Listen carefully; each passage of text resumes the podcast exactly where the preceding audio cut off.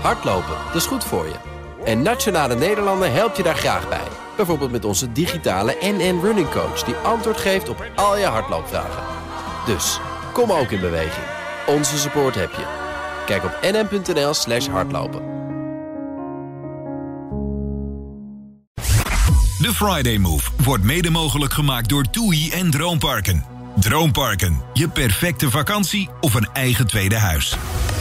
BNR Nieuwsradio. The Friday Move. Het is echt een cadeau wat we vandaag krijgen. Inmiddels is de avondklok zo ongeveer vaker verlengd dan de musical Soldaat van Oranje. Het is een verzoenend gebaar. Ja, maar we moeten wel een onderscheid maken. Iedereen mag narekenen. Wilfred Gené. Ja, jij ook, zet op. Cabaretier Bert Visser geeft mij een, een duimpje en zegt veel plezier. Dan gaan we dat moois van maken. Hij heeft een boek geschreven over zijn stuiterende beginjaren van zijn carrière. Vanmiddag is hij mijn co-host. En ook Marcel van Roosmalen, Tijl Bekkant, Frits Hoefnagel en Thijs Sonneveld komen nog voorbij in deze show.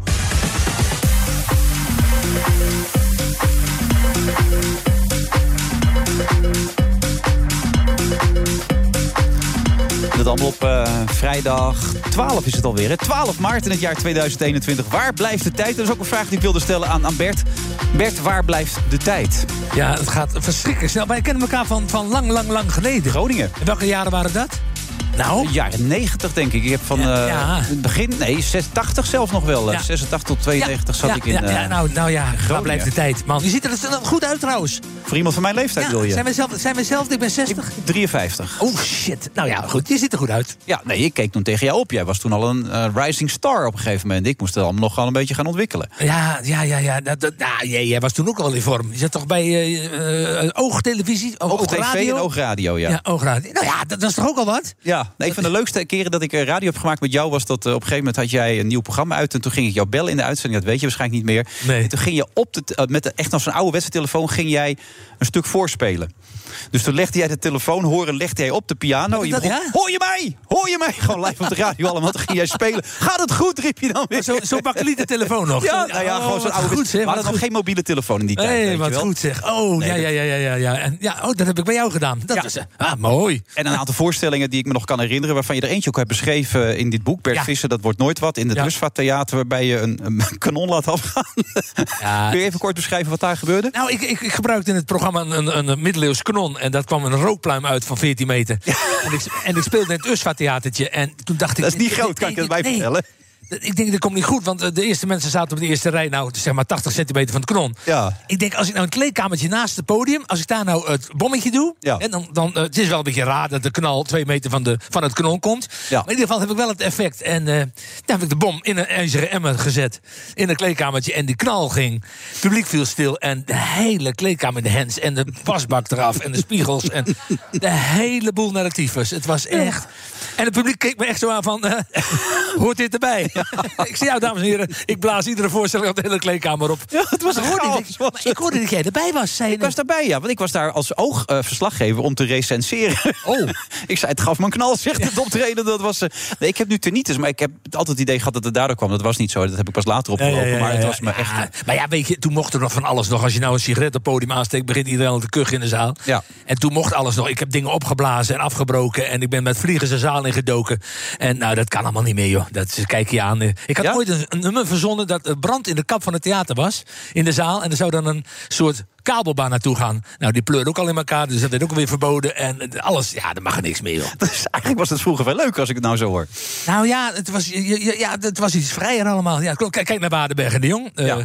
Die met eh, masten en, En zeilen. waslijnen dan inderdaad, net zoals jij dan ook gewoon de hele zalen doorliep. Oh, ik met had zo'n elastieke waslijn. Ja. ja had ik eh, natte was aan. Ja. En dan aantrekken en de publiek iets heeft van hij zal toch niet. En ja hoor. Maar dat doe je dus niet meer. Nee, ik, lees nu ook niet meer doen. Argentijnse gedichten voor. Dus dat Ja. is veel rustiger. Nee, ik ben nog even spontaan gek en wild. Maar het is wel wat gestructureerder. En wat, eh, wat, eh, het is wel wat, eh, hoe zal ik het zeggen? Ik, ik, ik heb alle littekens die ik heb zijn van mijn programma's. En dat is wel een beetje klaar. Dat is Ja. wel, ja. Ja, en die littekens komen hier ook zeker in te sprake. Ja, Want er zijn ja. momenten geweest dat je echt dacht... waar ben ik in godsnaam mee bezig? Ja. Maar even naar de actualiteit. Gisteravond gebeurde dit bij Eva Jinek. Ja. En mensen zeggen dat alle antisemieten op u gaan stemmen. Maar dat geloof ik niet. Die trappen heus niet in de antisemitische opmerkingen van u en uw vrienden. En zij weten ook wel dat uw vriendin Joods is. Hè, zometeen wordt u vader van Menachem of Sarah Baudet. En dan voel je als antisemitische kiezer toch behoorlijk in je bruine hemd gezet. Gisteravond gebeurde dat. Ja, Thierry Baudet liep weg Ja. bij deze roast, zeg maar, van Ja. eh, jouw collega Martijn Koning. Ja. Wat vond jij daarvan? Nou, ik, ik vind dat een cabaretier eh, veel kan maken, veel kan zeggen. En ik zeg het ook niet graag, maar ik, zat met open bek te kijken. Ik dacht, ja, ga dan aan tafel eh, en discussieer met hem over dat soort punten. Maar ga niet achter de katheder staan en dan... eh, eh, hij kon zich ook niet echt verdedigen. Ja, of hij moest er doorheen roepen. Maar Ja. Ik, ja, ik vond dit, dit was wel zo'n persoonlijke aanval. Doe dat dan onderling. Ook, ook al doe je het aan tafel voor het publiek. Maar ik zeg niet snel van mijn collega's. Ik vind dat ook heel veel moet kunnen en mogen. Maar ik vond, ik, zat, ik, ik was ook weggelopen, laat ik het zo zeggen. Ik laat me niet zo de grond in stampen eh, door, door wie dan ook. Ook al mag je, kijk, ik heb helemaal niks met Baudet, helemaal, maar dan ook helemaal niks. Maar eh, om, om dan zo'n televisieprogramma te gebruiken om die man werkelijk helemaal af te zagen. En waarschijnlijk heeft hij er gewoon nog baat bij, bij dit. Nou ja, dat wordt nu gesteld. Ja, dat- precies. dat maar, ik, ik, zat, ik, zat, ik zat net in mijn hotelkamer, ik zat met mijn bek open te kijken. Ik, had, dit- ik vond dit ook eh, net een stapje. eh, eh, zo moet je het niet doen, laat ik het zo zeggen. Nee. En, maar waar ligt een grens dan eigenlijk? Hoe werkt dat dan in jouw vak? Kijk, jij maakt sowieso niet zo snel geëngageerd cabaret, dat wil jij niet. Nee. Jij wil er een feestje van maken. Ja. Maar waar ligt een grens dan in dit geval? Ah, nou, bij mij het- ik wil geen mensen tegen de kop stoten, dus ik, vind- daar ligt mijn grens een beetje. Maar ik vind ook, eh, eh, er moet wel veel, veel kunnen. Je ziet het aan Theo Maas ook, je ziet aan Joep ook. En, eh, maar ik kan niet goed uitleggen, daar ligt de, de, daar ligt de grens net van, dit kan nog en we weten wie het zegt. Ja. Maar dit kwam zo onverwacht, dit was zo'n knal voor de hassers. Dit was echt zo, dat ik dacht van, why, waarom? Wat, Ja. wat- dat is, en was het dan één opmerking of was het bijvoorbeeld ook dit stukje dan? Maar als ik racist was, zou ik denk ik ook niet op u stemmen. U zegt wel braaf dat Europa wit moet worden en zo. Maar u bent zelf natuurlijk behoorlijk homeopathisch verdund met allerlei Indonesisch DNA. Ja, nou, het gaat zo op de privé. Ja. Het is zo ook zijn, zijn Joodse vriendin of Joodse vrouw. En, en, en of wees Kijk, dat homeopathie slaat natuurlijk op het feit dat hij daar in het verleden opmerkingen over ja, gemaakt daar had hij een opmerking over. Maar het is ja, wel, maar het, is, het was wel heel erg. eh, nogmaals, ga dan aan tafel zitten. Heb die discussie. Ja. Zeg wat ik vind dit van jou, wat vind jij. En, maar hij, en, en, ja, hij, hij, hij- kon ook niks. Baudet kon ook helemaal niks. En ik vond het. eh, ja, ik vind het. Nogmaals, ik wil geen zeikend zijn. En eh, we, hebben ook straks Marcel bijvoorbeeld hier in het programma. En dat, de- nee, ik bedoel, zijn Wat wil je heel goed. dat- Wat wil je over Marcel nu zeggen dan? nou, dat ga ik nu zeggen, want Ja. het- is wel weer tijd dat er wel mensen zijn, ook over tv-programma's, die dat even weer lekker een sneer overheen gooien. En even weer, even weer alles lekker glad strijken en zeggen, wat is er ook een zooi bij. En dat vind ik allemaal helemaal prima. En, en dat soort mensen moeten er ook zijn, ook cabaretiers ook. En die moeten ook even dingen aanpakken. Maar dit vond ik wel heel erg op de man. Ja, en het feit dat hij zelf met antisemitische appjes heeft gewerkt... of eh, de Nuremberg-processen als illegaal heeft... Hij, hij, hij is gek. Ik bedoel, het is, ik, dat is, die Baudet, ik, ik begrijp er helemaal, helemaal niets van dat mensen erachteraan lopen. Maar eh, het ging gewoon niet zo om de persoon Baudet gisteren, als, als wel... Het leek een afrekening. Ja, Dat was ik krijg een podium nu. Ik mag wat gaan zeggen. Ik mag een column schrijven. En daarmee ga ik jou helemaal voor de nationale televisie afbranden. En nou, dat, vind ik, dat, zo, zo hadden ze het niet moeten doen. En- Nee. En je zou de Jinek ook...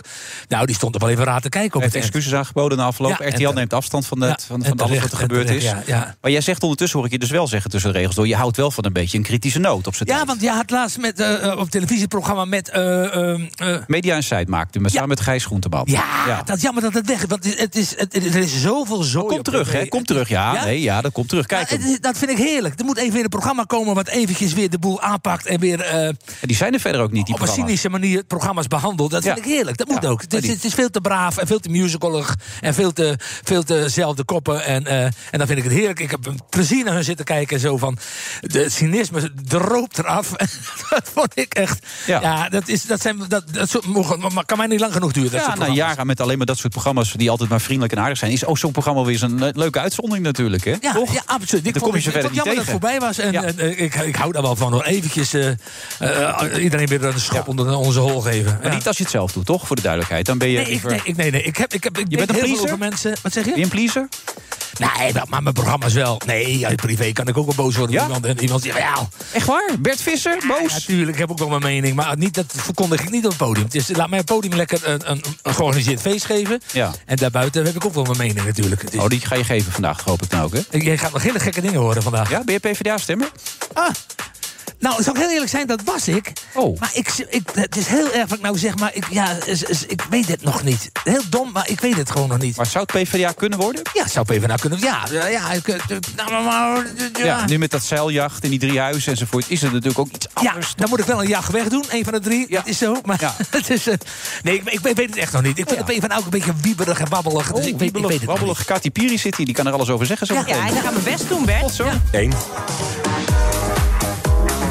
fa Vrijdag 12 maart. We zitten in Dauphine. Nog niet op de ouderwetse manier met allerlei publiek erbij. Maar gelukkig wel in de situatie dat we een beetje er ontspannen bij kunnen zitten. Hij zit er ook veel ontspannender bij dan vorige week. Thomas van Groningen. Niet in pak, maar gewoon sweatertje, los broekje aangetrokken. Ja, Thomas, toch? Ja, even wat, wat relaxter deze Ja, week. Ja. nee, goed man. Je pakt het anders op. Je voelt nu de sfeer aan van dit Jij programma. hebt vorige week een opmerking over mijn pak gemaakt. En dat- toen dacht ik, nou, dan doe ik een keer wat anders aan. Ja, ik dacht bij een radioprogramma zoals dit in een pak komen. Ik moest er even aan wennen, Thomas. Dat was het. En Kati Piri, hartelijk welkom. Ja, dankjewel. Wat had jij gedaan in een situatie als die van gisteravond? Als je zo was geroost? Ehm, nou ja, het is sowieso nooit leuk, denk ik, om zo geroosterd te worden. Maar ik vond hem ook wel heel persoonlijk. En tegelijkertijd baal ik er een beetje van, zo vlak voor de verkiezingen... dat juist Thierry Baudet nu in een slachtofferrol wordt geplaatst. ja. En dat wij het er nu ook weer over hebben. Ja. Terwijl ik, we weten allemaal dat, het, eh, dat hij denk ik niet zo heel veel stemmen gaat halen. En volgens mij is er wel een keuze te maken op 17 maart. Nou ja, hij, hij had het eigenlijk daarvoor al voor zichzelf behoorlijk verknald. Tot Ja, dat ik, moment. ik moet je heel eerlijk zeggen, ik heb het, de uitzending niet gekeken. Ik heb daarna op Twitter dit fragment teruggezien. En Ja. ik vond het gewoon niet zo heel grappig ook. Nee. Thomas, heb jij het gezien, de hele uitzending? Ja, of niet? ja, ik heb de hele uitzending Want gezien. had je ja. ook niet de indruk dat, dat tot dat moment Baudet zich niet heel erg sterk had verweerd? Of Nee, het, het, het was, het, hij- sowieso zat hij in een soort van spervuur van vragen van Eva Jinek, Floor Bremer van RTL tegenover hem, Farid Azarkan Mag van ik jou Denk. vragen welke kleur deze pen heeft? De- die pen is groen. Nee, die is blauw. Oh, die is blauw. Ja. Nee, deze pen is blauw. Ja, ja. Ik had eigenlijk gehoopt dat je had gezegd die blauw zou zijn. Oh, dan had ik kunnen zeggen dat die groen was. Dan had ik kunnen zeggen, maar dat komt omdat ik deze pen al heel lang heb. En ik ken deze pen beter dan jij het weet. Dus daarom is hij groen, weet je wel. Dus zo, dat, dat soort redeneringen kreeg je gisteravond. En, en je merkte ook de irritatie bij Eva Jinek eh, ook. Die werd echt een paar keer echt boos. Ja, maar je had hem beter op een gegeven moment alleen maar gelijk kunnen geven. Het CBS, wat weten die er nou van, joh? Het Centraal Planbureau, wat een onzin allemaal. Dat zijn allemaal surfers. Ja. Als je het zo had aangepakt, dat je het op een gegeven moment misschien wel een beetje kunnen keren. De discussie over oversterfte doe je dan. Ja, andere, ja. ja. Kati Nou, toch ook, Ik dat heb echt iets ook- gemist toch drie of vier eh, zetels krijgen. En zelf zei hij van gisteren van... Twintig. Hoe kom je erbij? Dat wordt twintig. Jullie zitten er helemaal naast. Nou ja, Ja. dat is ook toch... Ja, een, beetje, een beetje grootheidswaanzin heb je dan toch weer. Ja en nee, moet ik het heel even voor Baudet opnemen in dat geval. Want bij de Provinciale Statenverkiezingen scoorde die ook fors hoger dan die gepeld werd. Ja. Dus het kan wel bij Forum voor Democratie. Nou, alles wat er gebeurd is, denk jij? Nou ja, ik, ik, kijk, 20 zetels lijkt me, eh, als je kijkt naar de peilingen, echt onrealistisch nu. Maar eh, sluit niet uit dat Forum wel degelijk groter wordt dan Ja, dat- eh, de ook, peilingen ja. zoals ze nu... maar Kati Piri zit hier voordat we het lang over Forum gaan praten. Ik hoorde net wiebelig en wobbelig, hoorde ik eh Kati Piri. De, dat ja, leg de eens uit, Bert. Wiebelig, wobbelig. Nee, nou, ik... Ja, ze- want op- dus, ja. En ga niet 30 jaar terug, alsjeblieft. Dus Nee, wel een beetje. maar niet doen. Nee, ja. nee, nee. Nou, ik, ja, Kennen jullie elkaar ook alweer dan of zo? Of, eh? Nee, dat Oh niet. nee, ik dacht dat je dat bedoelde. Ja, Maar, ja, maar ja, we nee. zijn acht jaar getrouwd geweest. ja. ja. Kijk, Maar dat- in mijn studententijd in Groningen, was toch? best leuk, ja, hè? ja Oh, was echt leuk. tijd ja. gehad, zeg. was zij die studenten die na het USFA optreden met jou nog even in het café ging zitten... waar je hoopte dat er iets gebeurde, maar dat gebeurde niet. Dat was niet die. Oh, dat was één keer dat meisje waar ik wel verliefd op was. Want dat was, nee, was ja, en dat niet. uit. Maar die, dat, ja, ik bedoel, als je met, in, in de zwembroek met een Roll King in je broek op podium staat te dansen... dan, dan, dan staan de meisjes achteraf niet voor je kleedkamerdeur te wachten tot, tot George Clooney eruit komt. Nee, absoluut niet. Maar wiebelig wobbelig, omdat er Nee, valt omdat geen ik, lijn... moet- ja, ik moet mezelf ook verdiepen. Maar nou ja, eh, eh, eh, ik zag laatst een interview met eh, Lilian Ploemen. En toen dacht ik ook, ja, wat spreek je nou eens uit wat je nou precies wilt? En, en waar ik heel erg voor ben, en de PvdA helaas nog, nog niet klaar voor is, ben ik bang, is dat ze zich verenigen, die linkse hoek. Met GroenLinks. Nou ja, Dat, heeft, dat hebben ze, de, de twee, nummer nou ja, twee heeft van de GroenLinks heeft dat links, geroepen. hè? links, linksblok zou toch wel, zou toch wel wat zijn. Want nou, Ja, nou ja, ik ik- snippen het allemaal weer. Ik hoop echt dat we die stap wel kunnen maken Ja. naar meer linkse samenwerking. We hebben in ieder geval gezegd. Samenwerking of fusie? Nou ja, laat je eerst intensiever samenwerken voor je gaat fuseren. Maar we hebben in ieder geval gezegd dat de Partij van de Arbeid. Als we al op 17 maart een mooie uitslag hebben, alleen maar in een regering stapt met in ieder geval of GroenLinks of een SP erbij. Mhm. Dus dat is denk ik een eerste stap. Ja. ja, en wat ik ook, knap- ook goed vind nu al dat je eh, mensen uitsluit. Gewoon dat die en die en die partijen niet. En dat, Of ze sluiten zichzelf eigenlijk uit natuurlijk Ja, met ze- programma. Daar zorgen ze zelf voor, ja. Ja met dit soort fratsen ook. en Dat, ja, en de uitspraken. Ja, we gaan niet nog een keer Thierry Baudet doen. Nee, we, noemen, we gaan hem gewoon niet meer noemen nu. We gaan Maar wel leuk, wel leuk zo'n linkse samenwerking met de Partij van de Arbeid. Dat is wel, of met GroenLinks. Dat is wel de partij die zeg maar, de hakbel als eerste in de rug van uw vorige leider Lodewijk Asscher gooide. Ja, weet je, eh, dan zit je bij mij een beetje aan het verkeerde adres. Oh, die ik heb de afgelopen. Nee, ik, ik heb Oh, alles meegekregen, weet Nee. je. Maar Nee. ja, dit zijn zo die Haagse verhalen. Ik zat de afgelopen zeven Brussel jaar natuurlijk, ja. in het Europees Parlement. Ik heb daar ontzettend goed samengewerkt met mijn GroenLinks-collega's. Zowel in het verleden, Judith Sargentini, als Bas Eickhout, Tineke Strik. wereldgasten. wereldgasten. Ja, toch? Je hebt- zie je ook. Wereldgasten, stuk voor stuk. Alleen, zie je het gaat nu even over die bijl in de rug van Lodewijk Asscher. Ja, nou ja, Daar ga ik het moet je toch uitleggen. Nou ja, het was toch zo dat na de toeslagenaffaire dat rapport kwam... was het Jesse Klaver toch als een van de eerste die zei... verantwoordelijkheid nemen, ook Lodewijk Asscher. Ja, weet je, ik denk, eh, ik denk dat het het recht is van elke politieke partij om politiek te bedrijven in de Tweede Kamer. Ik voelde het niet als iets tegen ons gericht. Ik voelde het als iets als opkomen voor de mensen. Enorm veel slachtoffers door die toeslagenaffaire. Eh, en dat sommige mensen dat misschien persoonlijk opvatten, dat kan. Dus geen, ru- geen wrok- ruzie meer. Ik heb geen wrok tegenover GroenLinks, nee. Waarom ga je, waarom ga je Brussel, eh, van Brussel naar Den Haag? Wat is. Wat doe je jezelf aan, bedoelt Bert eigenlijk? Nee, nee, nou, nee, ja, nou ja. Nou, ik heb er met heel veel plezier in Brussel gewerkt. Eh, Ook echt een eer om eh, de Partij van de Arbeid te mogen verdedigen daar. Maar wat je soms wel merkt, is dat het eh, iets te abstract is, te ver weg voor mensen. En in de Tweede Kamer merk je weer dat het net lijkt alsof er geen wereld buiten Nederland bestaat. Hè? Dus het lijkt mij mooi om die Brusselse ervaring en dat netwerk mee Wacht, te je gaat een nemen. brug slaan, Kati. Sorry? Je gaat een brug slaan, zeg ga het maar. proberen. Nou ja, Ja. dit zijn de betere. Ja. Van wie was het ook weer? Bruggen slaan? Dat was samen met Samson en Rutte, toch? Of niet? Ja, onder andere, ja. Ja, toch? Ja, dat waren die twee, toch? Ja. Maar goed, een brug slaan als nummer vijf met elf zetels. Ehm, je hebt niet het gevoel dat links nog echt profiteert uit de peilingen van, van al die onrust die er eventueel zou Nee, kunnen kijk, zijn. als we heel eerlijk zijn, is het natuurlijk teleurstellend als je kijkt naar het linkerblok op dit moment. eh, hoeveel zetels we hebben in de peilingen. Eh, en nou hoort het natuurlijk ook vier, vijf dagen voor de verkiezingen hoor je ook te zeggen, maar dat zijn maar peilingen. We gaan kijken op 17 maart. Dat zeg jij dus ook niet. Ik denk wel, ja, nee, Ja, natuurlijk zeg ik dat ook. Ja. Maar het liefst had je natuurlijk nu al gezien, zoals met die laatste Europese verkiezingen. Dat was mijn laatste campagne. Met eh, Frans Timmermans haalden we 19,1 procent. Waren we verreweg de grootste partij in Nederland. Dus je ziet dat het ook wel kan. En we hebben nu nog eh, drie, vier dagen. Niemand heeft nog, nou ja, de meeste mensen hebben nog niet gestemd. Alleen mensen boven de 70 misschien. Ja, die gooien brief. allemaal in een brievenbus, maar dan zijn ze die andere brief weer vergeten. En dan hebben ze vergeten om dat Ja. stembiljet erbij te doen. gedoe. Maar zegt u dan ook, eh, we zien dat het wel kan... maar blijkbaar niet met Lilianne Ploemen? Hoe bedoelt u? Nou ja, eh, met Frans Timmermans bovenaan de Nee, lijst eh, ja, ging nee. het allemaal voor de wind. Weet je, Europese even, verkiezingen waren echt wel anders. Ik denk dat het te maken had met een heel optimistisch, positief verhaal. En ook met de naamsbekendheid van Frans Timmermans. Dat moet je ook eerlijk toegeven met die Europese verkiezingen. We hebben nu op dit moment volgens mij 15 partijen in Nederland. Als ik vertel aan collega's uit Spanje, die zeggen wat? 15 partijen die in de peiling een zetel gaan halen. Dus je kunt dat niet echt één op één vergelijken. Maar het verhaal van de Partij van de Arbeid. Ik denk nu ook dat mensen echt voelen dat het best wel eerlijker zou mogen in Nederland. Dat dat op zich Ja, wel dat zegt de aanstaat. SP bijvoorbeeld ook. Dat zeggen ze bij GroenLinks ook. Dat zeggen ze allemaal dat het eerlijker moet. Dus hoe, wat onderscheidt jullie dan nog? Wil je dat ik hier het Nou, partijprogramma dan wordt het wel heel lang eh, eh, ja. laat in de Maar waarom- naam Lodewijk Asscher is toch even gevallen. Hoe groot acht jij de kans dat ze met Lodewijk Asscher meer succes zouden hebben? Oh, je, daar ben ik van overtuigd. Ja, ben ik, van, ik was zeer eh, fan van hem, omdat hij duidelijk wist uit te leggen. En eh, ja, eh, maar wat ik eh, aan jou wil vragen, waarom, waarom krijgt de PvdA, Partij van de Arbeid, niet die, die stemmen van die kleine partijtjes? Waar, waarom, waarom gaan die niet naar de Partij van de Arbeid? Althans, de linkse kleine partijtjes. Ja, goede vraag. Je ziet nu een Volt die heel erg Ja, opkomen. Dat is- precies. Ja, het dat verbaast me wel. Kijk, ik wil niks negatiefs zeggen over Volt. Ik denk dat het hartstikke leuk is. Ja, Zo'n nieuwe leuk. jonge partij. Goed bezig, Die jonge eh, mensen. Europa, eh, Europa. op plek 1 zet. Ja, maar je moet de PvdA stemmen natuurlijk. Nee, maar ik heb ook gekeken naar een verkiezingsprogramma. En het leek net eigenlijk op Europa alsof het het verkiezingsprogramma van de Partij van de Arbeid las. Dus ik denk de, de vragen in Nederland waar we tegenaan kijken. Bent u ook voor kernenergie dan? Nee, dat was een Oh. van de verschillen. En ik, oh, een ander verschil, ik kan alle vier de verschillen die ik heb gevonden Oh, wel opnoemen. Maar 95% van het programma is gewoon echt hetzelfde. Eh, maar volgens mij is je met Tweede Kamerverkiezingen... moet je ook wel iets breder kijken dan alleen maar Europa. Zegt zelf deze Europarlementariër. er zijn er ook nog wel wat uitdagingen in Nederland. Dus ik hoop, eh, nou ja, als uh, Volt een eh, één of twee zetels haalt... om met hen samen te werken. Maar als mensen nog twijfelen...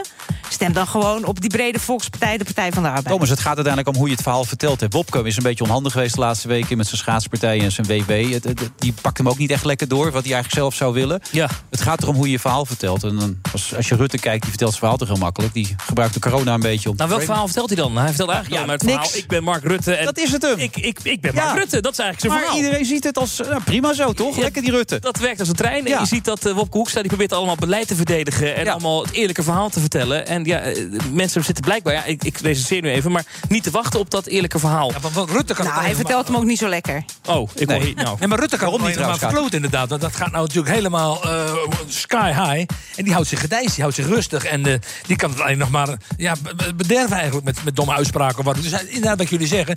Ik ben, er, ik ben Rutte en, en, en, en die grote glimlach Ja. van hem. En Nou, we proberen hier de VVD er ook nog aan tafel te krijgen later in de uitzending. Ah, Eh, dat is wel ook gelukt. niet Hoefnagel komt uiteindelijk. Maar iemand die echt op de lijst staat...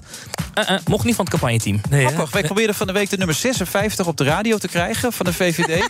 Daar zijn we twee weken mee bezig geweest. Ja. En vlak voordat hij erop zou komen, belde hij toch weer af omdat hij verplichtingen had. Dan denk ik bij mezelf, wat is dit? De nummer want als 56 ze van de, de radio VVD. komen, debat niet aan het willen. misgaan. Ja, de, precies. En met notabene de heer Kees Nomen, die in zijn profiel had gezegd... Kees vertelt alles en Kees heeft overal een mening over. Kees zei niks.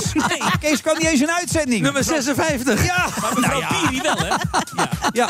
Nou, bij de Partij van de Arbeid mag elke kandidaat gewoon, eh, zeker bij de Friday Move. Ja, maar dat moet toch ook, zeg. Kom Ja, op. natuurlijk. Wat een onzin. Ja, ja, ja. Ja. Nou, nummer Er valt 56. echt iets te kiezen, deze verkiezingen. ja. Eh, en als je niet meer al- weet, kom je uiteindelijk uit Nee, bij maar de ik hoop, ook, dat is geen, ik hoop ook dat, dat, PvdA weer een beetje opklimt. Want het gaat nu wel heel erg broertje. Maar jij gaat niet stemmen, hoor ik wel. Nou, nou, Ik ga nog straks niet. Dat luisteren in de aan- we- auto. gaan vanavond nog uit samen. Ja, zeker. Eh, voor, voor negen uur. En dan moet ik dronken zo'n formulier invullen. Ja, die Piri. Je weet nooit wat ik rood aanstreef. En Thomas van Groningen weer hartelijk bedankt. Hè. Tot de volgende keer. Ja, dank jullie wel. Dank jullie wel, dank je. BNR Nieuwsradio. The Friday Move. De dagen tikken weg. En Baudet heeft nu zijn eerste waarschuwing te pakken. Dat dit wel de saaiste campagne is. Ja, dan vraag ik me eerlijk gezegd af waarom trek je je niet terug? En dat perspectief, ik, ik probeer gewoon mezelf te zijn. Wilfred Gené. Corona, dementie, eenzame opsluiting en alle andere ellende. Mijn legendarische moeder overleeft alles. En het gaat over de moeder van Marcel van Roosmalen.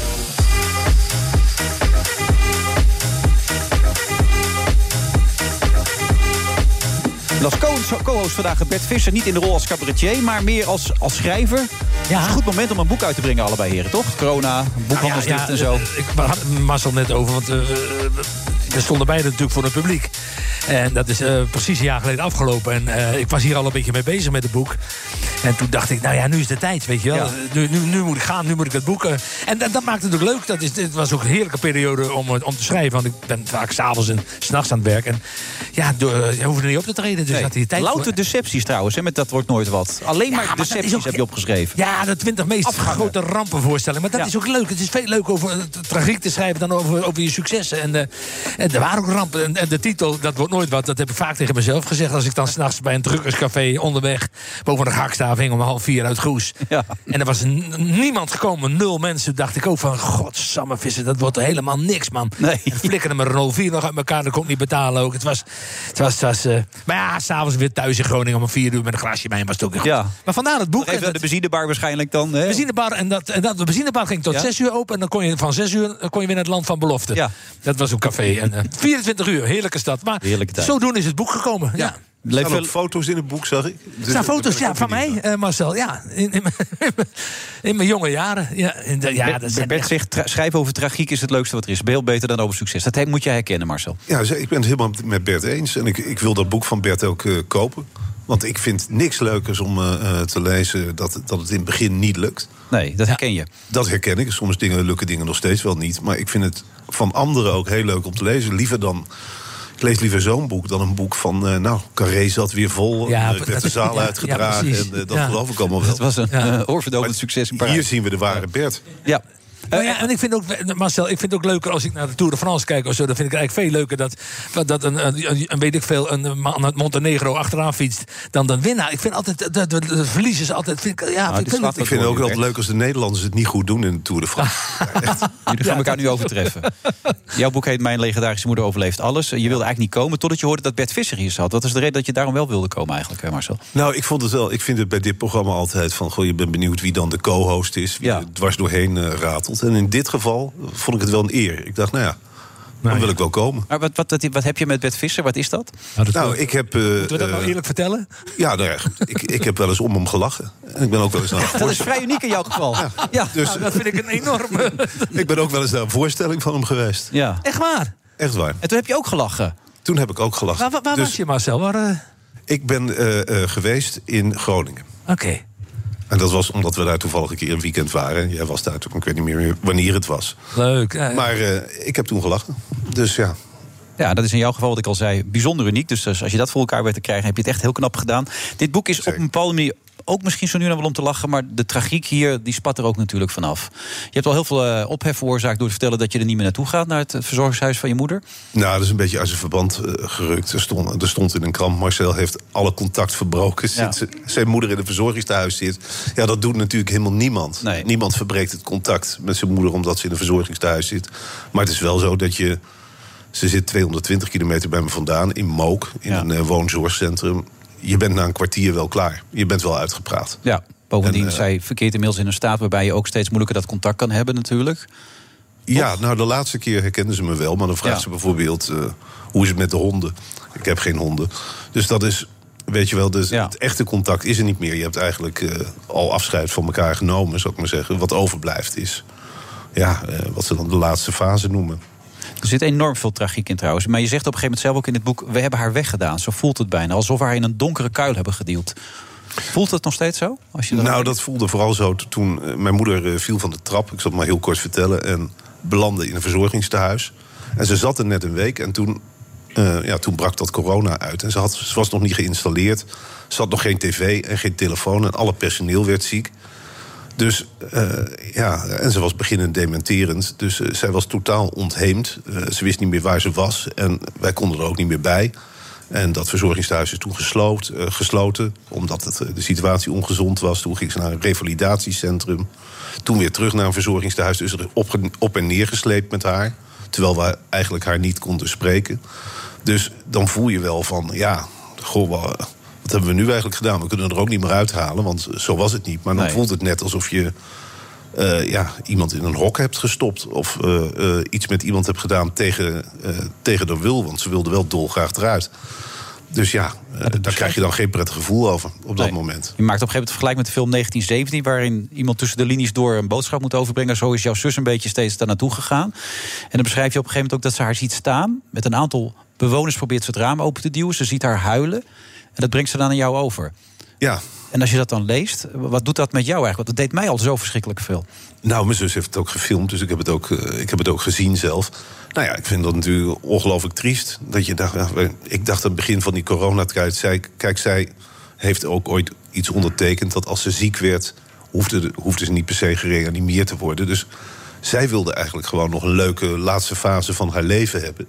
En ja, dat werd er wel ontnomen. Zij wist gewoon niet waar ze was, alleen dat de deur op slot zat. Ja. Dus zij probeerde door het raam samen met een andere medebewoonster eruit te klimmen. Ja, eh, ik vond dat, ja, dat doet me natuurlijk wel wat. Omdat je je moeder graag in eh, andere omstandigheden eh, ziet. Ze is nog wel een keer ontsnapt, hè? daar was je trots op, toch? Ze, ja, ze was ontsnapt naar de eetzaal, moet ik erbij zeggen. Dus Ja. dat is, Maar dan zat ze RTL 4 te kijken. toen, Ja. toen zat ze naar RTL 4, geloof ik, te kijken. Ja. Een ander moment is dat je op een gegeven moment met de kinderen langs gaat. En eh, dan mag je niet meer met haar spreken, want de contactpunten zijn op. Die krijg ik blijkbaar om met iemand te mogen contacten. Tussen bij een glas. En dan sta je voor het raam. Eh, en ehm, op een gegeven moment is het dan een stukje ook. Ik wil even kijken of je dat eh, zou kunnen voorlezen. Dat gaat over het moment dat ze heel veel post krijgt. Dus dan. Ik heb dat pijltje er even bij gezet. Dat vond ik zo, zo heftig. Ik krijg ontzettend veel post, had mijn moeder gezegd. Ze lezen die ook voor. Van wie dan, vroeg mijn zus. Dat wist mijn moeder niet. Ze wees naar het nachtkastje, daar zat het allemaal in. Mijn zus vond inderdaad een stapel brieven en ansichtkaarten... die zonder uitzondering allemaal niet aan mijn moeder waren gericht. Op het nachtkastje stonden foto's van onbekende mensen in lijstjes. We wisten dat ze die mee in bed nam. Mijn zus vroeg, mama, wie zijn dat eigenlijk? Dat zijn foto's, zei mijn moeder. Het is alles wat ik heb. Ze wees aan wie ze een aardig gezicht vond hebben en wie niet. Een verpleegkundige zei dat ze dacht dat mijn moeder de, de foto's en brieven zelf in haar handtas had gestopt. Want ze was tenslotte wel dementerend. Mijn zus merkte op dat mijn moeder sinds haar gedwongen verhuizing geen handtas meer had. Die laatste zin vind ik heel mooi. Oh, nou, puntje voor mijn zus, contactpunten voor mijn moeder op. Ja. Dat gevoel erbij, dat je daar ook bij krijgt. Contactpunten van je moeder, op, dat, dat, als dat op, dan mag je niet meer naar binnen. Dan mag je er niet meer bij. Nou, ze hadden op een zeker moment personeelstekort. Dat was toen ze naar een revalidatiecentrum was gebracht. En daar hadden ieder- alle bewoners contactpunten. En die kon je dan opsnoepen door bijvoorbeeld een wandeling op het dak. Of een eh, iPad-gesprek met een verwante. Maar wij kwamen niet zo vaak langs. Dus eh, er werd er ook niet op gerekend op bezoek voor mijn moeder. Zeker niet van mij. En toen was ik bij dat tehuis. En toen waren de contactpunten al op. Omdat ze op het dak had gewandeld. Ja. En dan sta je op een gegeven moment voor dat raam en dan heb je haar aan de telefoon, begrijp ik. En dan zegt ze: Ik kom binnenkort vrij, toch? Zeg je dan. En dan vraag je ook nog of dat kan. Ja, en toen zei die eh, zuster: nee, dat is niet zo. Eh, ze gaat binnenkort terug naar eh, de oorspronkelijke woonplek. Maar ja, waar het eigenlijk dit hele boek om draait, is dat je je moeder in een redelijk normale toestand eigenlijk wegbrengt. En dan breekt die corona uit. En nu is het dan een beetje voorbij aan het gaan. Maar door al die verhuizingen heeft die dementie ondertussen helemaal nadeloos toegeslagen. Dus eigenlijk is je, en met mij van heel veel mensen, is door die periode eigenlijk een normale manier van afscheid. Je glijdt er niet echt in, zou ik maar zeggen. Dus je krijgt eigenlijk een andere vrouw terug. Terwijl je daar eigenlijk. En dan zeg ik niet dat ik heel vaak op bezoek zou zijn geweest. Maar toch was je er op een andere manier ingegleden dan je er nu in valt. Dat is eigenlijk. eh, En dat heen en weer slepen is natuurlijk funest. Ja, dat is, dat is funest, want mensen hechten aan dingen. Als je dementerend bent, dan hou je heel erg vast. En nu hebben we een eh, moeder ervoor teruggekregen... die eigenlijk meer gehecht is aan het verplegend personeel dan aan ons. Omdat dat een soort overlevingsstand is. Maar wat ik er wel bij wil zeggen, wat eigenlijk blijft... is de humor.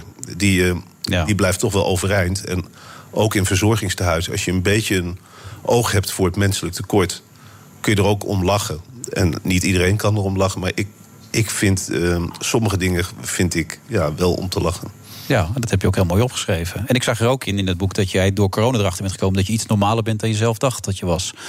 Wil je hebt dat eh, verwijzing naar Hans Dorrestein, die als een buurman een keer niet goed eh, een paar weken van slag is, had jij ook last van. Ja. Maar door corona ben je anders gaan geworden, toch? Ja, ik ben wel ontdekt. Ik heb ontdekt dat de rest van de wereld toch ook wel behoorlijk gek is. Herken je dit woord of niet? Ja, nee, absoluut. ja, ik had het ook in, kunnen invullen. Absoluut. absoluut. Je, gaat, je staat opeens heel anders in het leven. Ja. Ja, eigenlijk eh, zijn wij hartstikke normaal. Daar komt het eigenlijk om neer. Want de rest, als je die de hele dag thuis zit, eh, zet, is het ook niet best. Nee. Je wordt weer vader, man. Voor de derde keer. Ja. Weer een meisje. Leuk. Ik heb het je net verteld over een, over een maand. Ja, geweldig toch? Ja, drie dochters. Hebben we al een, een naam, Marcel, voor de derde? Of dat, ja, dat ga je niet zeggen natuurlijk. Nee, daar moet ik nog even over nadenken. Maar je, je weet hem echt nog niet? Nee. Oké. Oh ja, wat vond je van gisteravond eigenlijk? Want we hadden het even over humor, wat wel of niet kan. Wat vond jij ervan eigenlijk? Als je het had Nou, ik vind dat je. eh, kijk, het is niet helemaal mijn humor. Maar ik vind wel dat je als eh, ingehuurd eh, cabaretier best ver kunt gaan. En ik vind. eh, eh, ik snap dat Thierry Baudet, misschien was ik ook wel weggelopen, maar de enorme gekwetstheid van hele andere groepen, van aanhangers die net doen alsof er iets vreselijks is gebeurd. Ja, dat gaat, dat, dat gaat mij ook wat te ver. Over de top, Sorry, ja. hij, hij heeft zelf ook mensen tot op het bot eh, beledigd op afkomst. Op, eh, dus ik, ik neem het toch ook wel een beetje voor eh, Martijn Konings op. Ja, maar dat, ja. ze stond vanmorgen ook eh, dat Nederland dit zomaar toelaat, schrijft Ja. Baudet. Nou, wat een zin. Of, wat een zin. Ja. Ook toch op Ja, Nederland moet weer vrij worden volgens Ja, het is goed met Dus, hem. eh, Ja. ja. Dus, maar ik denk dat jij er toch ook wel zo een beetje in staat. Dat je, Ik vind dat je heel ver moet kunnen gaan daarin. Ja, maar, niet, ja, maar dan tegenover elkaar. Dat bedoelde Nee, ik. maar zo bedoel ik het ook wel een beetje. Het was ook niet. Ik bedoel, hij zat daar wel tegenover hem. Hè. Hij leest wel eens iets, weliswaar iets voor, Ja. maar hij zat niet eh, op 100 kilometer afstand. Hij zat gewoon in dezelfde ruimte. En hij las dat gewoon voor. Nogmaals, over gevoel voor humor kun je discussiëren. Ja, maar het ik had wel een tandje minder gekund. het had een tandje minder gekund. Maar eh, op zich, ik snap het idee wat erachter zit wel. Actie-reactie, is dat het? Ja, een beetje wel. Oké, Marcel bedankt. Succes met het boek. Ook al de boekwinkels dicht zijn, je kunt hem op allerlei manieren Je bestellen. kunt het gewoon bestellen op internet. Je kunt afspraken maken in de boekhandels. Ik zou zeggen, ga naar de boekhandel, bestel het boek van Bert Visser... en dat van Marcel van Roosmalen. Ja. Heel goed. Nou, We komen samen een keer signeren. Ja, en in het najaar weer Media Insight. Friday Move, vrijdag 12 maart. Eh, Bert Visser, mijn co-host, schrijver, cabaretier. Ja, cabaretier ben je als eerste. Dat schrijven, daar komt er een keer bij gewoon. Maar mag ik, nou, mag ik dan nu ook naar het boekenbal? Vraag ik me af. Ja, ik denk dat je. Ik ben ook een keer naar het boekenbal geweest toen mijn eh, columns werden gebundeld. Mocht ik er ook naartoe. Gaan we samen, gaan we samen. Nee, ik kom er niet meer in, want ik heb daarna weer een column over het boekenbal geschreven. Oh ja, een beetje dan boos is over. alweer klaar. Jammer. Ik maak mensen wel eens boos. Ik weet niet waarom Oh, ja. Eh, hey, Bernard schoof aan, Bernard Hammelburg. En ik zei, Bernard is Amerika-deskundige. Dat vond je niet leuk, Bernard? Nee, Dat nee, nee, je. dat vind ik prima. Alleen het is, mijn, mijn portefeuille, zou ik maar zeggen, bij BNR is eh, buitenlandcommentator. Dus dat hoeft niet alleen maar over Amerika te gaan. Oh, oké. Dus er gebeurt wel meer in de wereld dan Amerika. Ja, maar ik heb nog een paar vragen over de Flevopolder, dus dan kom ik zo bij jou. Als je daar nou even mee begint, dan hebben we dat gehad. Ja, dat is ook buitenland. Ja. Helemaal mee eens. Voor een echte Amsterdammer is dat buitenland. Dat is. Oh, oh, oh, oh. Alle volwassen Amerikanen komen uiterlijk 1 mei in aanmerking voor een coronavaccin. Zo, dat zijn uitspraken van Ja, Biden, dat is echt een uitspraak. Ja, Ja. Daar, daar keek ik van op. Hugo de Jong had het over met, met een beetje mazzel juli, weet je wel. In Ja, die deed het nog met een slag om daar, maar dit Ja, niet, hè? Nee, Biden heeft, eh, moet ik hem nageven, hij heeft de- het grootste deel van zijn verkiezingscampagne en de eerste periode van zijn presidentschap gezegd: er is maar één prioriteit en dat is corona. En linksom of rechtsom. Maar er komen gewoon miljoenen prikken bij. En, eh, Van welk merk eigenlijk? Want AstraZeneca is van, was van de week weer in opspraak een beetje. Begreep ik in Denemarken en in IJsland. eh, Ja, vanwege die eh trombosegevallen. die- Voor, ik, ben- ik weet niet, ik ben niet medisch, maar ze- de, de EMA, dus de Europese... Die heeft het goedgekeurd. ja, precies. Die zegt het ook oké is, dus daar moet je eh, op vertrouwen. En het is ook zo, dat is echt zo. Bij welk vaccin je ook gebruikt, er gebeuren nare dingen. Er zijn mensen die toch krijgen, zijn mensen die overlijden. Dat gebeurt bij elk Mensen blijven besmettelijk, las ik nou ook weer. Ja, dat kan ook allemaal gebeuren. Maar in elk geval, hij, ze hebben dus eh, dat Janssen-vaccin nu erbij. Dat is, was voor hem ook de aanleiding om te zeggen... ik kan dit waarmaken. Maar hij begon heel bescheiden, namelijk eh, de eerste 100 dagen 100 miljoen prikken. Ja. En toen zeiden de Trumpisten, ja, dat is geen kunst... want dat had Trump ook al vastgelegd wat waar was. En toen heeft hij er geleidelijk steeds een, een stukje bovenop geplakt in die eerste 100 dagen. En nu zit hij al op 300 miljoen en dan nog zoveel 100 miljoen extra. En hij heeft zelfs gezegd, we gaan overhouden. En dat gaan we dan netjes eh, cadeau geven aan eh, eh, de buitenwereld, de arme landen of zo. Oké, dat is nog wel goed dan. Dus het is, en, en het, het gevolg er zijn twee gevolgen. In de eerste plaats, hoe sneller je dit doet, hoe sneller de economie weer gaat draaien. Dus het is gewoon een rekensom. Het is psychologisch heel belangrijk. Zeker na die vervelende periode van corona en die afschuwelijke pre- presidentsverkiezingsstrijd. Dat was ook onaangenaam. En je ziet nu ook aan de, de peilingen dat iets van 70% van de Amerikanen eh, is blij met zijn coronabeleid. Dat wil niet zeggen dat ze blij zijn met hem. Er zitten ook heel veel Trumpisten bij die zeggen... hij heeft de verkiezingen gestolen, hij deugt niet, maar, dit, maar dit doet hij goed. Dus het is heel handig. Ehm, en het heeft ook andere gevolgen, want omdat er nu zo een, eh, wat er echt uitzicht is op het einde van dit eh, coronatijdperk, zie je ook dat de verwachtingen voor de economie enorm toenemen. Dus er wordt eigenlijk een redelijke e- economische groei voorzien. En dat heeft enorme implicaties voor de rest van de wereld. En, Volgens mij zie je nu de beurs alweer stijgen. ja, nou, Maar, maar hij weet, is- weet hij je hoeveel vandaag 1,9 hapert- biljoen is? 1,9 biljoen. Ja, dat is negen- biljoen. Hoeveel is dat? 1900 biljoen dollar heeft hij. eh, in, in- Nee, 1,9 biljoen. Als het 1900 Nee, ja, biljoen nee, is, nee. dan... Ja. Ja, maar nee, 1900... nee, gelijk. Jongens, overleg dat met elkaar. van tevoren nou 1900, even. 1900 miljard. Is Ja, het. ja 1,9 Nog één keer biljoen. 19? Nee, 1900 miljard. 1900 miljard. Dat is dus het steunpakket dat hij door beide huizen heeft gekregen. Allebei echt kantje boord op het nippertje met allerlei enorme gevechten. En, maar eh, toch wel verstandig dat hij het zo heeft gespeeld. Hij had het ook per decreet kunnen doen, wachten op een reces of weet ik veel wat. Maar hij heeft uiteindelijk gedacht, al, al heb ik de dunst mogelijke parlementaire meerderheid, ik doe het toch. Want dan is het in elk geval democratisch aangenomen. Ja. Dus er is ook niet meer iemand die erop terug kan komen. Dus, hij Dus dat is 19 met 9 nullen erachter dan. Ja. Dat is het toch? Ja, en wij noemen dat inderdaad... Dat is echt een enorm bedrag als je dat zo ziet staan. Hè? Ja, het past niet eens op jouw A4'tje. Nee, ik schrijf het nu net Nee. even op. Ja. Nee, Nog meer nullen. Volgens mij zijn 12 nullen. 12 Ja. nullen zelfs. Nou, die past er niet op. Dat ga ik Nee, niet dat kan. Nou, nou schrijf je op de tafel. Dat kan. Nee, dat gaat niet lukken bij mij. Nee, dat is echt... Maar ja, Maar waar komt dat geld vandaan? eh, Ja, Bernard? dat is natuurlijk. eh, dat, dat, dat hangt er, je kunt er allerlei namen voor bedenken. De simpelste antwoord is: er wordt bijgedrukt. Ja. Eh, maar economisch is het zo dat het, of formeel is het zo, dat er leningen worden uitgeschreven, staatsleningen, met een enorme lange looptijd. Ja, oneindig. Misschien 30 of 40 jaar. Dus dat, dat, nou, dat kan die samenleving makkelijk dragen. En geen rente. Nee. Dus, dus de, de, de, de- er dat is een soort schijnvertoning. Als ik nu de staatsschuld van Amerika zou willen opschrijven, wat heb ik dan nodig? Ja, precies. Nou, die is, dat is vorige week, twee weken geleden uitgerekend. Die is, 1, die is 101 procent. Dat betekent dat de staatsschuld groter is dan de totale Amerikaanse economie. Zo. Ja, dat is echt heel hoog. Dat is wel knap. Alleen, Amerikanen zeggen het, maar het doet er helemaal niks toe. Want eh, het is net als een hypotheek. Zolang je de, de rente kan betalen, dan is er niks Ja, aan de dan hand. gaat het En er is geen rente. Eh, dus het gaat lekker. En in de tweede plaats is de, de dollar is de wereldmunt. Dus ze voelen zich ook onkwetsbaar. Dus de Amerikanen hebben daar nooit moeite mee gehad om gewoon te zeggen... nou, maar ja, de- de, makkelijkste manier is gewoon te zeggen: het wordt bijgedrukt. En, eh, en, dus en weer weggegeven. Dat moet ik niet vergeven. Dus er zit dus in dit pakket voor elke Amerikaan een cheque van 1400 dollar. En dat geeft een enorme stimulans eh, aan bijvoorbeeld de detailhandel. Ja. Ehm, en aan de andere mensen gaan dingen kopen. Dus het geld gaan ze besteden. En ja, het is een beetje redenering zoals Keynes die had vroeger, hè, weet je wel. Jij hebt het nog geleerd vroeger. ja, heb je allemaal geleerd, ja. In de long term. niet meer uitleggen nu, hoor. Nee, op, op de lange termijn zijn we allemaal dood, was de bekendste eh, uitspraak. Maar in ieder geval, dat is dus een beetje wat ze nu eh, eh, eh, doen. En ehm, ze hopen dat daardoor die economie, die toch al goede tekenen vertoont, nog een extra impuls krijgt. Maar er is toch geen andere mogelijkheid dan er inderdaad meer geld in te pompen. Ja. Want je- weet je, ze bijdrukken. Nou ja, dat, nou, het is een keuze. Je kan ook zeggen, jongens, de, de Republikeinen hebben enorm eh, ge- eh, ge- geappelleerd omdat ze zeiden. Het klinkt allemaal heel mooi, maar we kunnen het ons niet voorloven. Om de vraag die jij stelt. Die schuld loopt zo kolossaal op, er zitten grenzen aan. Mhm. En de, re- de, regering is er niet om eh, de burgerij te onderhouden. Nee, dat is waar. Eh, en ehm Er er zit een andere vraag dingen. trouwens. Nu je toch zegt, je bent wel buitenlanddeskundige, maar ook Amerika-deskundige. Zou de stijl van eh, Bert Visser in Amerika werken? Werkt dat, wat hij doet? Eh, dus ik gewoon even ja, benieuwd ja, ja, ja, ja, die werkt wel. Maar vooral in, in het circuit van de comedians. Ja. Ja, daar zou het, maar dan moet je dus niet...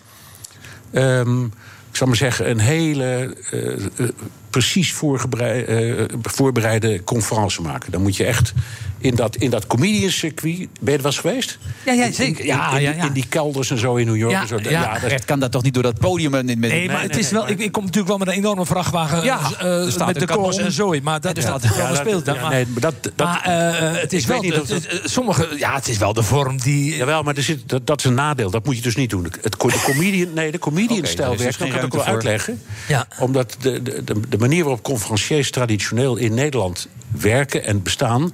dat heeft iets Calvinistisch. Er zit iets opvoederigs in. Ja. En er zit iets Ja, een beetje onderwijzerige, ja. er zit iets, en dat vinden wij fantastisch. We liggen in een deuk om dat Ja. soort dingen. Ja. Omdat we, er wordt, als er wordt ons een spiegel voor gehouden. Ja. We zien onszelf, we denken, jongen, wat zijn we... Enfin, dat werkt als een trein, maar in Amerika werkt dat helemaal niet. Mensen worden daardoor beledigd. Nee, die willen is niet- jouw stijl niet zo om mensen Ik te ben niet zo prekerig, dat klopt ook. Een groot feest is het. Dus, Het is chaos. Ja, ja, precies. Ja. Maar, maar om het zeggen, chaotisch, maar dan in... in eh, in Don en de sfeer- foute architect, daar heeft u hem. in, in de sfeer van, eh, van de comedians, in, in de Greenwich Village of zo, of Ja. in San Francisco, dat Ja. zou werken. Ja. Denk het wel. Maar, je heb je dus- er ooit over nagedacht, Bert, om ooit eens over de grenzen? Want je hebt al eens een keer gezegd dat Nederland, ik heb het wel een beetje gezien, altijd naar diezelfde theaters. Nou, ik zou wel niet ja, wel gezien, maar wel het, het reizen überhaupt bij binnenland of buitenland. Ja, ik heb, we hebben veel in het buitenland opgetreden voor Nederlandse gezelschappen Ja, natuurlijk. ambassades lees ik ook. Ambassades. Dat- succes. ja. Nederlandse clubs. Nederlandse clubs natuurlijk. En Duitsland hebben we gedaan, België. En Duitsland hebben we nog wel eens aan gedacht om daar om wat uit, om dat wat uit te breiden. Maar ja, ik speel in Nederland mijn voorstelling al 300, eh, 320 keer zoiets. Maar het is toch gek, wel leuk om eens een keer een nieuw publiek aan Ja, te het boren? is, misschien komt dat nog wel eens. Ja, misschien is dat wel eens. Auf eh, Deutsch, moet- eh, dat is mogelijk, ja. Ja, ik weet niet wat, wat, wat, wat, wat, wat, wat, hier, eh, Bernard net zegt. Dat is, klopt natuurlijk. Het is, het is eh, een heel andere stijl die ik breng. Maar dan zou ik me natuurlijk thuis moeten laten. En dan zou je het gewoon in je eentje met microfoon op het Ja, podium je moet het, proberen. ja. Ja. Het, het moet uit jezelf komen. En, Moet uit jezelf, dat bedoel ik, ja, precies. er zijn, er zijn he- ook hele beroemde, ook Broadway-varianten geweest... die ik wel heb gezien. Ja. Van mensen in jouw stijl... Ja. die op een kruk gaan zitten... en anderhalf uur lang tegen het publiek Ja, praten. ja, knap, hoor. En dan geen liedjes tussen. Geen Nee, niet. liedjes Nee, erin. geen en liedjes. Nee. Allemaal niks. Gewoon tekst. Ja. En als ze het goed doet, dan werkt het. Ja, Ja, ja, we die, met, met name die kleine clubjes wat je zei, die zijn prachtig. Ja, en je hebt, weer- je hebt de, de, de, eerste, eh, de, eerste, de eerste toeschouwer heb je al. Ja, nou, voorstel wordt geregeld. We gaan het even regelen achter de schermen. We moeten helaas nu stoppen. Jongens, bedankt word- weer. Het is uniek wat ik nou... Ik word beroemd in Amerika. Zo is dat. Wij gaan er fantastisch, aan werken. Jongens, ik, ga, contact, hè? ik ga nu weg. Ik ga mijn koffer pakken. Ja, nou nee, we hebben nog tot half zeven. Dus tot zo, na de reclame. wacht, ik ben, wacht, één ding vragen of Ja? niet? Of zijn we Doen we het gewoon zo. uit? De Friday Move wordt mede mogelijk gemaakt door TUI en Droomparken. Droomparken, je perfecte vakantie of een eigen tweede huis. BNR Nieuwsradio. The Friday Move. Het is echt een cadeau wat we vandaag krijgen. Inmiddels is de avondklok zo ongeveer vaker verlengd dan de musical Soldaat van Oranje. Het is een verzoenend gebaar. Ja, maar we moeten wel een onderscheid maken. Iedereen mag narekenen. Wilfred Gené. Ze heet de Bloody Mary. is het eerste nummer wat ze zo meteen laten horen. Tel Bekkant en Bert Visser.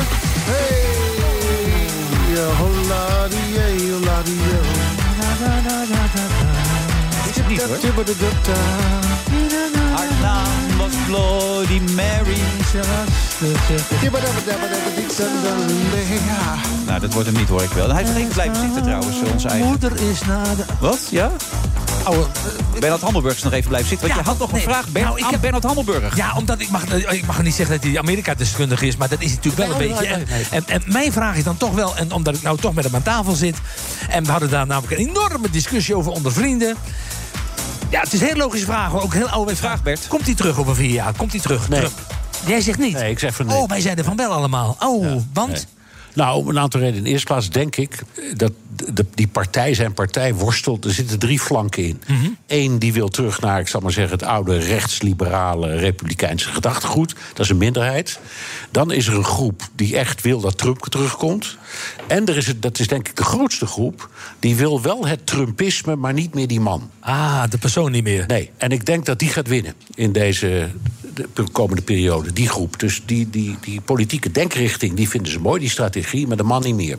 En bovendien, ook dan, dan is ook hij acht- eh, 78. Maar heel oud, hè, inmiddels. Nee, nee, dat gaat niet om. Nou, dat Joe om- Biden ook. nou, om zo'n land te maar het leiden. is, het- ja, dat, Pittig. nou goed, maar dat is Joe Biden ook. Maar hij is een, hij is een eh, eh, het is een verwende man die graag eh, speelt, zal ik maar zeggen. En als je wat ouder wordt, dan denk ik... Als ik hem was, zou ik zeggen... nou, dan geef ik toch de voorkeur aan een golfterrein... en af en toe vanaf een afstand even blaren hoe het moet... want dan luisteren ze nog wel naar me. En dat is hem dan. Ik denk dat hij die kant uit. Ah, het is wel een straatvechter. Hoor. Ik, ik zou die niet, zou- dat zijn eer niet zijn om, om dat terug te pakken, toch? Om vier jaar. Ik, ja, Jawel, maar goed... het- ja, hij krijgt het niet voor elkaar misschien, maar hij Nou, zal het het proberen. zeggen. Het is omgekeerd. Als hij zich kandidaat stelt, maar dat kan hij nu niet doen, want het is pas over vier jaar. Maar als hij zich kandidaat stelt, dan zeggen ook zijn felste tegenstanders in de partij, dan wordt hij de kandidaat. Ja, ja, ja. Dus in die zin is het aan hem zelf om het te beslissen. Maar ik denk dat hij het niet doet. Oké. Dankjewel, Bernard. Nou, nou, dank je. Heel Nou, goed. dank je, helder. Dank je. Nou, Helder uitleg. Tel Beck het inmiddels aangeschoven. Wat heb jij met Tel Bekkant, Bert? Nou, het tel is veelzijdig. Dat vind ik altijd. Of ik over een programma over Bach maken, dan nou weer bij de Verraders en dan weer bij de Lama's. En dat, dat, dat, dat, dat waardeer ik ten zeerste, want hij, is wel, eh, hij doet al heel Die veel. man kan veel, hè? Ja, ik ben eh, Ja. jaloers op dat soort types. Die, die, die dan, of ik kijk tv, of ik kijk in het theater, of ik zie... eh, en dan denk ik, waar, waar halen ze de tijd vandaan? Dat vind ik eh, echt ook heel, heel erg knap. En als Ja. ik met mijn theaterprogramma bezig ben... dan speel ik er ook vijf keer per week. Dan heb ik niet veel tijd ernaast. Dan denk ik van, oh, waar haal je nog de tijd weg? Dus eh, chapeau. Nou, waar ik dan, eh dank je wel. Want eh, Bert, jij bent een fenomeen. En jij staat al jaren aan de top. Dus het is. ehm, eh, Serieus, hè? Want je kan soms dat ondertoontje hebben, Tel, dat je denkt dat het een grap is. Maar het is serieus. Nee, nee, nee, maar dat is een, een groot compliment, zeker van jou. Eh, ik ben op mijn beurt jaloers eh, op mensen zoals jij... die dan één keuze maken en zo'n voorstelling helemaal tot in de puntjes fijn slijpen. Als ik dat zie, dan denk ik, oh ja, dat zou ik ook wel willen. Dus, dus die veelzijdigheid he- heeft ook wel een beetje een keerzijde... dat je denkt, oeh, iets Ja, ja. helemaal uitdiepen is wel lekker. Ja. Nou, dank. Ja, Ben je dan nou ja. minder goed in iets? Bedoel je daardoor ook? Kun je het minder goed uitvoeren wat je eigenlijk in je hoofd hebt zitten? Nou, je- jij, jij weet er ook alles van. Veel dingen doen. Het is namelijk ontzettend eh, een kick om een, een ochtendshow te hebben... en een eh, spraakmakende talkshow en van alles te doen. Maar soms denk je misschien ook wel eens... ik wil dat ene boek Nou ja, dat is het briljant lezen. schrijven. Ja, of je leest het boek niet voor iemand van iemand die langskomt... of je kan je net niet goed genoeg voorbereiden. Dat is inderdaad wel waar. Ja, en wat zo mooi is, dat, dat, dat je, dat je een, een televisieprogramma maakt over, over de klassieke muziek wat je deed. En dit hele pad eh, eh, terug. eh, Dat, dat is toch ook een droom om te mogen maken. hoor. Zeker, zeker, zeker. Ja, fantastisch hoor. Dat is heel erg boeiend. Je, je zit ook regelmatig bij Eva Jinek. Vind je dat je de redactie wat kwalijk kan nemen... Dat, wat er gisteravond gebeurde? Oeh, die vraag had ik niet verwacht. Ehm, we hadden het er net over natuurlijk in de break. Ehm, nou, kijk, Martijn staat erom bekend eh, dat hij niks deelt van tevoren. Hij zei het laatst nog uitgebreid in die Knorren-podcast. Best leuke podcast met eh Raul Heertje en Sander van op Zeeland. Hij zegt, en dat herken je misschien wel Bert... als ik een, als ik, ehm, een stukje stand-up wil doen wil doen. En ik doe het alvast van tevoren. En de cameramannen weten al wat ik ga zeggen. En Eva weet wat ik ga zeggen. Dan, is niet, dan krijg ik niet meer die eh, echte reactie. En dat is de reden waarom hij het niet eerst wil doen. Hij wil het gelijk in één keer doen. En dat wisten ze van hem. En hij is misschien eh, wel te solistisch te werk gegaan. Want als iemand het had gelezen, had iemand gezegd... misschien moet je het niet over zijn vrouw gaan hebben. Ja, dat, dat, dat hij het eerst aan iemand had voorgelegd misschien. Maar Ja. ik kan me ook voor- van zijn kant voorstellen... dat hij denkt, ja, luister eens, ik wil het spontaan doen... en, en eh, ze maken het kapot als ze me daarin gaan eh, begeleiden. Dus ja, het is mes naar de twee kanten. Dat, eh, maar dit was wel zo'n column... Als ik hem had geschreven, zou ik denken: Nou, ik, ik ga nu wel echt eh, over de. Niet over de schreef, dat is verkeerd. Maar dit is wel heel erg pittig. Laat ik het nog even ter controle. Misschien had ik het in dit geval wel gedaan. Alhoewel ik hem ook zeer goed begrijp dat hij zegt: van ja, luister eens, jullie vragen mij, dit maak ik. En daar komt niemand aan. Maar misschien was het beter geweest als hij iedereen aan tafel even een douw had gegeven. Ja, dat, dan was Ja, precies. Maar nu was het eh, alle Ja. ballen op Cherry. Ja. En, en dat, dat komt onsympathiek over. Ja. Eh, Bert vond het een tandje te veel. Wat vond jij? Als het super grappig is, dan kan het eigenlijk niet ver genoeg gaan. Ja. En een goede roast kan keihard zijn als er maar iets van, van, van liefde en van, van speelsheid in zit. Ja. Maar dit was wel gewoon, ja, een Nee. charge. En de bal was niet echt in de buurt. Ja, en je wist niet dat het een roost zou gaan worden. Kijk, als, eh, als je de roost op televisie ziet, dan, dan kan het mij ook niet hard genoeg. Hoor. Eh, We sloot elkaar maar. Maar dit, was zo, dit kwam zo uit de hoek. Dat zag je ook aan de hele redactie. Dus, die- Of de, de mensen die nog aan tafel zaten en ook aan Eva. Dit kwam zo eh, in één keer plots, bang. Ik fik hem tot op zijn schoenveters af. En daar schrok iedereen ook van. En dat was... ja, En, en door het weglopen is het extra heftig tuurlijk. geworden. Want dat Ja. is het beeld wat eh, nog jaren voorbij zou komen. Ik zat op te wachten trouwens. Ik denk, hij gaat weg. Hij keek op een gegeven moment opzij. en nog keer vaker weggelopen hoor. Ja, daarom. Ik dacht, hij gaat nu ook... Hij vertrekt. Ja. Ja, en, en ik denk dat hem dat toch ook een hoop sympathie ja. oplevert. Dat mensen zeggen, ja, inderdaad, je hebt nu een punt. En als je niet wegloopt, dan zeg je daarmee ook... ik pik het wel. Ja, ja. Morgen een nieuw programma, De Verraders. Dan zeg maar een, een, een 2.0 van Wie is de Mol? Nou ja, dat, dat, dat weet ik niet, want ik heb Wie is de Mol nog nooit gezien. Ik ook niet. Het spijt me. Eh, maar ik ben een van die drie mensen in Nederland. Nou, ik ben die, die andere. Ja, nou, we zijn hier. Ik ook niet. Zitten ze alle drie net aan tafel, zul je altijd zien. Eh, precies. Dus ja, nee, ik zou, ik zou het niet precies weten. Eh, wat wel zo is, is dat de regisseur van Expeditie, Robinson, zit erop. En een eindredacteur die 14 jaar Wie is de Mol heeft gemaakt. Ehm, en die vond het samen met IDTV natuurlijk super tof. Niet ook de Wie is de Mol maken, toch? Of niet? Wat die Wie is de Mol Ja. maakt. Om, Ja. om ehm, Wie is de Mol en Expeditie zijn programma's die ja, eh, helemaal gestold zijn, in beton gegoten. En ehm, nu was het wel tof dat RTL de ruimte gaf om te zeggen. ehm, als jullie eh, opnieuw iets kunnen maken nu, hoe zou het er dan uitzien? Dus ja. John de Mol zegt altijd, je moet er goed voor met in twee of drie zinnen kunnen uitleggen. Ja. De Verraders. Maar Daar gaat hij tel. John de Mol zegt wel meer dingen. Ja, wat wil je? Ben jij, ben jij het altijd eens met John Nee, nee, de Mol? het- als het- je hem aan de lijn hebt? In het kader van Nee. een format, een goed format, kun je in een paar zinnen uitleggen. Absoluut, nee, daar staat Ja. hij onbekend. Nou, dat is in dit geval eh, iets meer dan één zin. Ja. 18 bekende Nederlanders gaan op zoek naar... een 18, hè, voor de duidelijkheid. 18. 18. Zijn Ik wist veel, niet eens dat er zoveel bekende Nee, ik Nederlanders dacht ook al. Hoe kom je nog aan mensen? Maar er ben hebben ook een paar namen voorbij zien komen trouwens. Kees Boot, Edson de Grasa. Wie? eh, Barbara Sloesen. Is dat die nieuwe vriendin van André Hazes junior? Nee, Barbara nee, Sloesen? nee, Oh, nee, de, Oké. de nieuwe vriendin van André Hazes zit hier niet tussen. Oké. Het zijn allemaal bekende Nederlanders die nou Jan. Verbeek, Ja. Chatilla van Ginsen. Nee, Chantel ook? Ja, Chatilla zit er ook bij. Eh, eh, Steven Kazan zit er ook bij. Eh, Kim Lammers is een hockeyster. Loek Peters. Eh, Jurgen Rijmak en Samantha Steenbuik. Die kennen we ook natuurlijk. Nou, Dus- het, is een, echt een rijk en bond gezelschap. Ja. Ze moeten eh, met elkaar in acht missies 50 kilo zilver verdienen. Maar van die 18 zijn er drie verraders. Ja. Die eh, wijs ik op de eerste dag aan. Die weten zelf niet dat ze verrader gaan worden. Oké. En eh, die hebben als taak om al die getrouwen, die 15 die overblijven, er één voor één uit te werken. Iedere nacht mogen Vermoorden, toch? Begrijp ik? Ja, ze, Zo noemen ze het een beetje. Ja, vermoorden. Ja. Aan het eh, eind van de dag gaat iedereen lekker slapen. De verraders gaan naar hun torentje en besluiten wie ze gaan vermoorden. Diegene wordt van zijn hotelkamer geplukt, verdwijnt, verschijnt de volgende dag niet aan het ontbijt. Hebben de getrouwen dan geen enkele kans? Nee, eh, dat is niet helemaal waar. Zij Ja, hebben dus, iedere eh, dag de ja. mogelijkheid Ja. om een verrader te verbannen. Met het risico dat ze iemand van zichzelf Dat is eh, een van de getrouwen verbannen. Precies, dus Ja. die groep wordt in razend tempo uitgedund.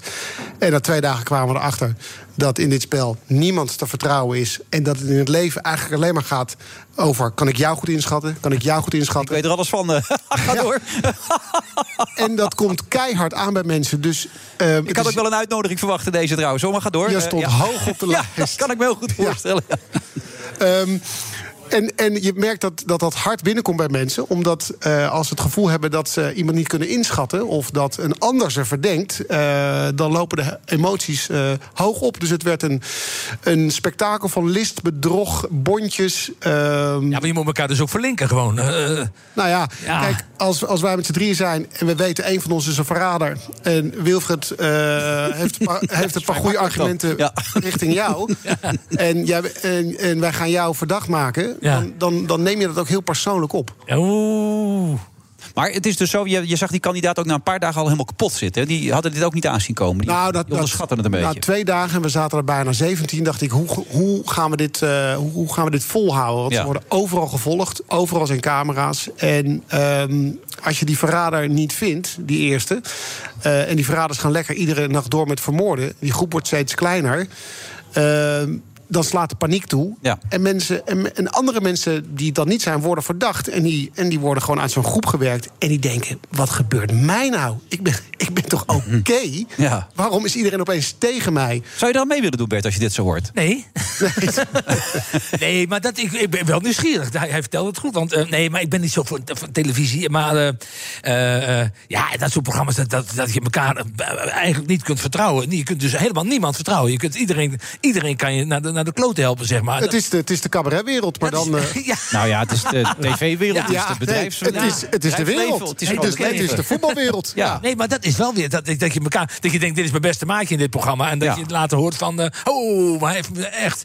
Ja, dat is wel wat hoor. Ik heb gesprekken gezien van mensen die, zei, die zeiden... we kennen elkaar nu twaalf jaar. Ja, hè? Oh. Het gaat toch echt niet zo zijn dat jij al die tijd een verrader was? Want ik, ik kan gewoon niet meer met je praten hierna. Oh. Is het zo extreem? Ja, ja, ja. ja. Nee, toch? Nu, nu weet je een beetje aan het aandikken om het programma dat we gaan kijken, toch? Dat vind ik zo onsportief. Dus. Nee, maar je het is het sowieso spectaculair. kleden. Ik garandeer, het is een spectaculair programma. Maar ehm, nee, dat, dat was echt zo. Dat, dan zit je te diep in het spel. En dan kan je de vriendschappen die er omheen zijn... niet meer helemaal eh, zuiver zien. Maar zijn we echt zo slecht? Want het, vergelijk wordt getrokken met het Stanford Prison Experiment. Eh, eh, en daar heeft Rutger Bregma later weer een boek over geschreven... dat daar heel veel feiten niet van zouden kloppen. Daar kwam erop neer dat mensen werden verdeeld. Een groep mensen werden verdeeld in, in, in eh, bewakers en in gevangenen. En die bewakers bleken al heel snel zich ongelooflijk te gaan misdragen. En die gingen echt ook die, die gevangenen misbruiken of slaan en dat soort dingen. Dat ging helemaal mis.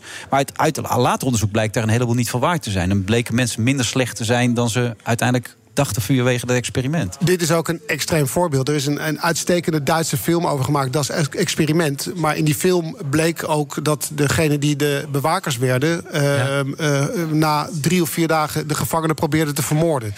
Maar dan echt. Eh, dat, is, dat is hier niet het geval. Nee. Maar we hebben, we hebben, eh, de, de kandidaten hebben goede psychologische begeleiding gehad. Alleen achteraf is wel gezegd... jullie hebben scherp aan de wind gezeild met deze groep. Maar ze maken het allemaal goed.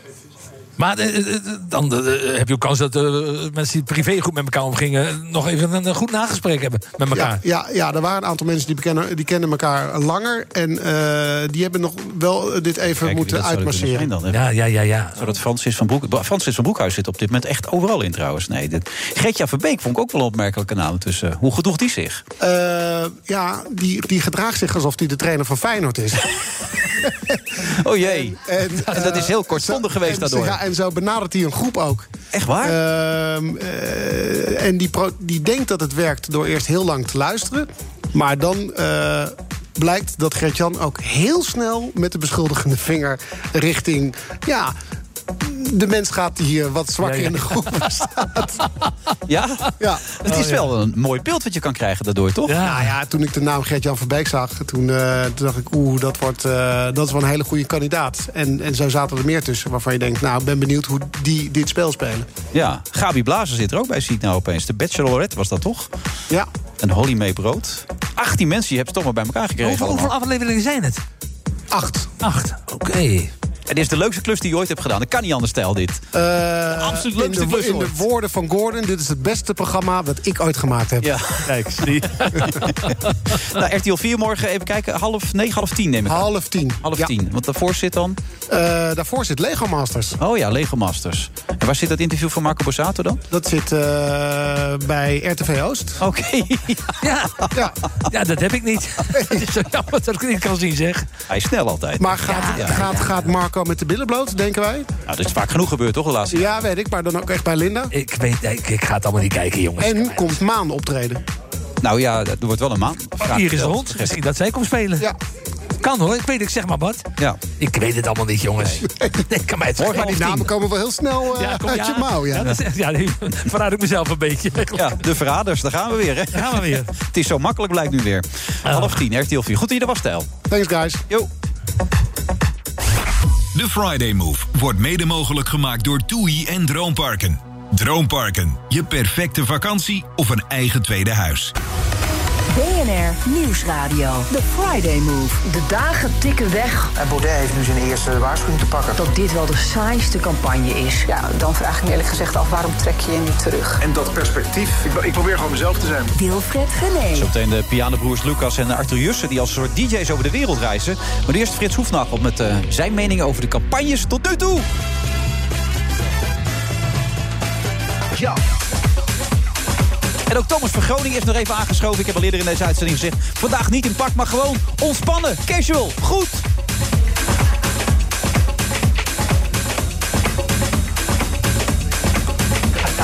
En daarbij zit natuurlijk nog steeds Bert Visser, de co-host voor vandaag, eh, tot half zeven. Je zit gewoon lekker in Amsterdam op dit moment, Bert, hè? Je hoeft niet naar terug naar Nee, Groningen. nee, nee, nee, een paar dagen Amsterdam. Dus ik ben, ik ben, ik ben- ja, ik, ik wandel straks eh, naar mijn hotel. Helemaal goed. Oh, je hebt niet die woonboot meer? Die ben je met... Nee, de woonboot is, eh, die heb ik niet meer. Nee, dat is, dat is een heel lang verhaal. Laat ik dat niet... Die is gezonken, heb ik door. Nou, laat, weet je wat? hij is er niet meer. Laat Hij is er niet meer. Oh, dat is een verhaal. God, dit, die stond niet in het boek namelijk. Nee, dat is het volgende boek. Dat gaat over al mijn gezonken woonboten, denk ik Oké.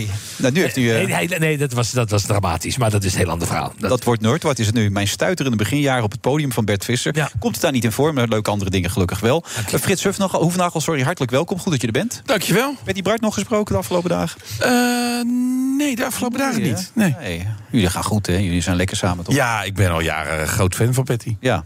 Zag ik Patty nou gisteren met, met de kleine uh, Dree? Uh, ja, die had een gesprek volgens mij met ja, Dree. Ja, mijn kleine, de kleine Dree is verdrietig of wat is het? Nee, is nee, het- Dree gaf nu toch wel Monique ook een beetje de schuld. Oh, zegt, ik ben altijd lul, maar Oh, ja, dat ik ja. nu bij een 25-jarige influencer zit... die mij altijd als schouder Ja. heeft uh, behandeld... en die mij Oh, heeft zo gaat dat in heeft. En dat ik haar twee maanden geleden nog ten huwelijk heb gevraagd. Ja. Dat, dat heeft er niets mee te maken. Oh, dan snap ik het niet, jongen. Ik, zit, Nee. ik zit, ben te weinig op tv, jongens. Ja. Sorry. Wat zit je nou te lachen, Frits? Wat is dit nou? Ik vind dat jij dat buitengewoon briljant samenvat. Ja. Ja. Ja, maar dat moet je ook niet willen van zo'n vrouw, toch? Zo'n Monique niet. Dat, er- dat hij daar boos over kan zijn, toch?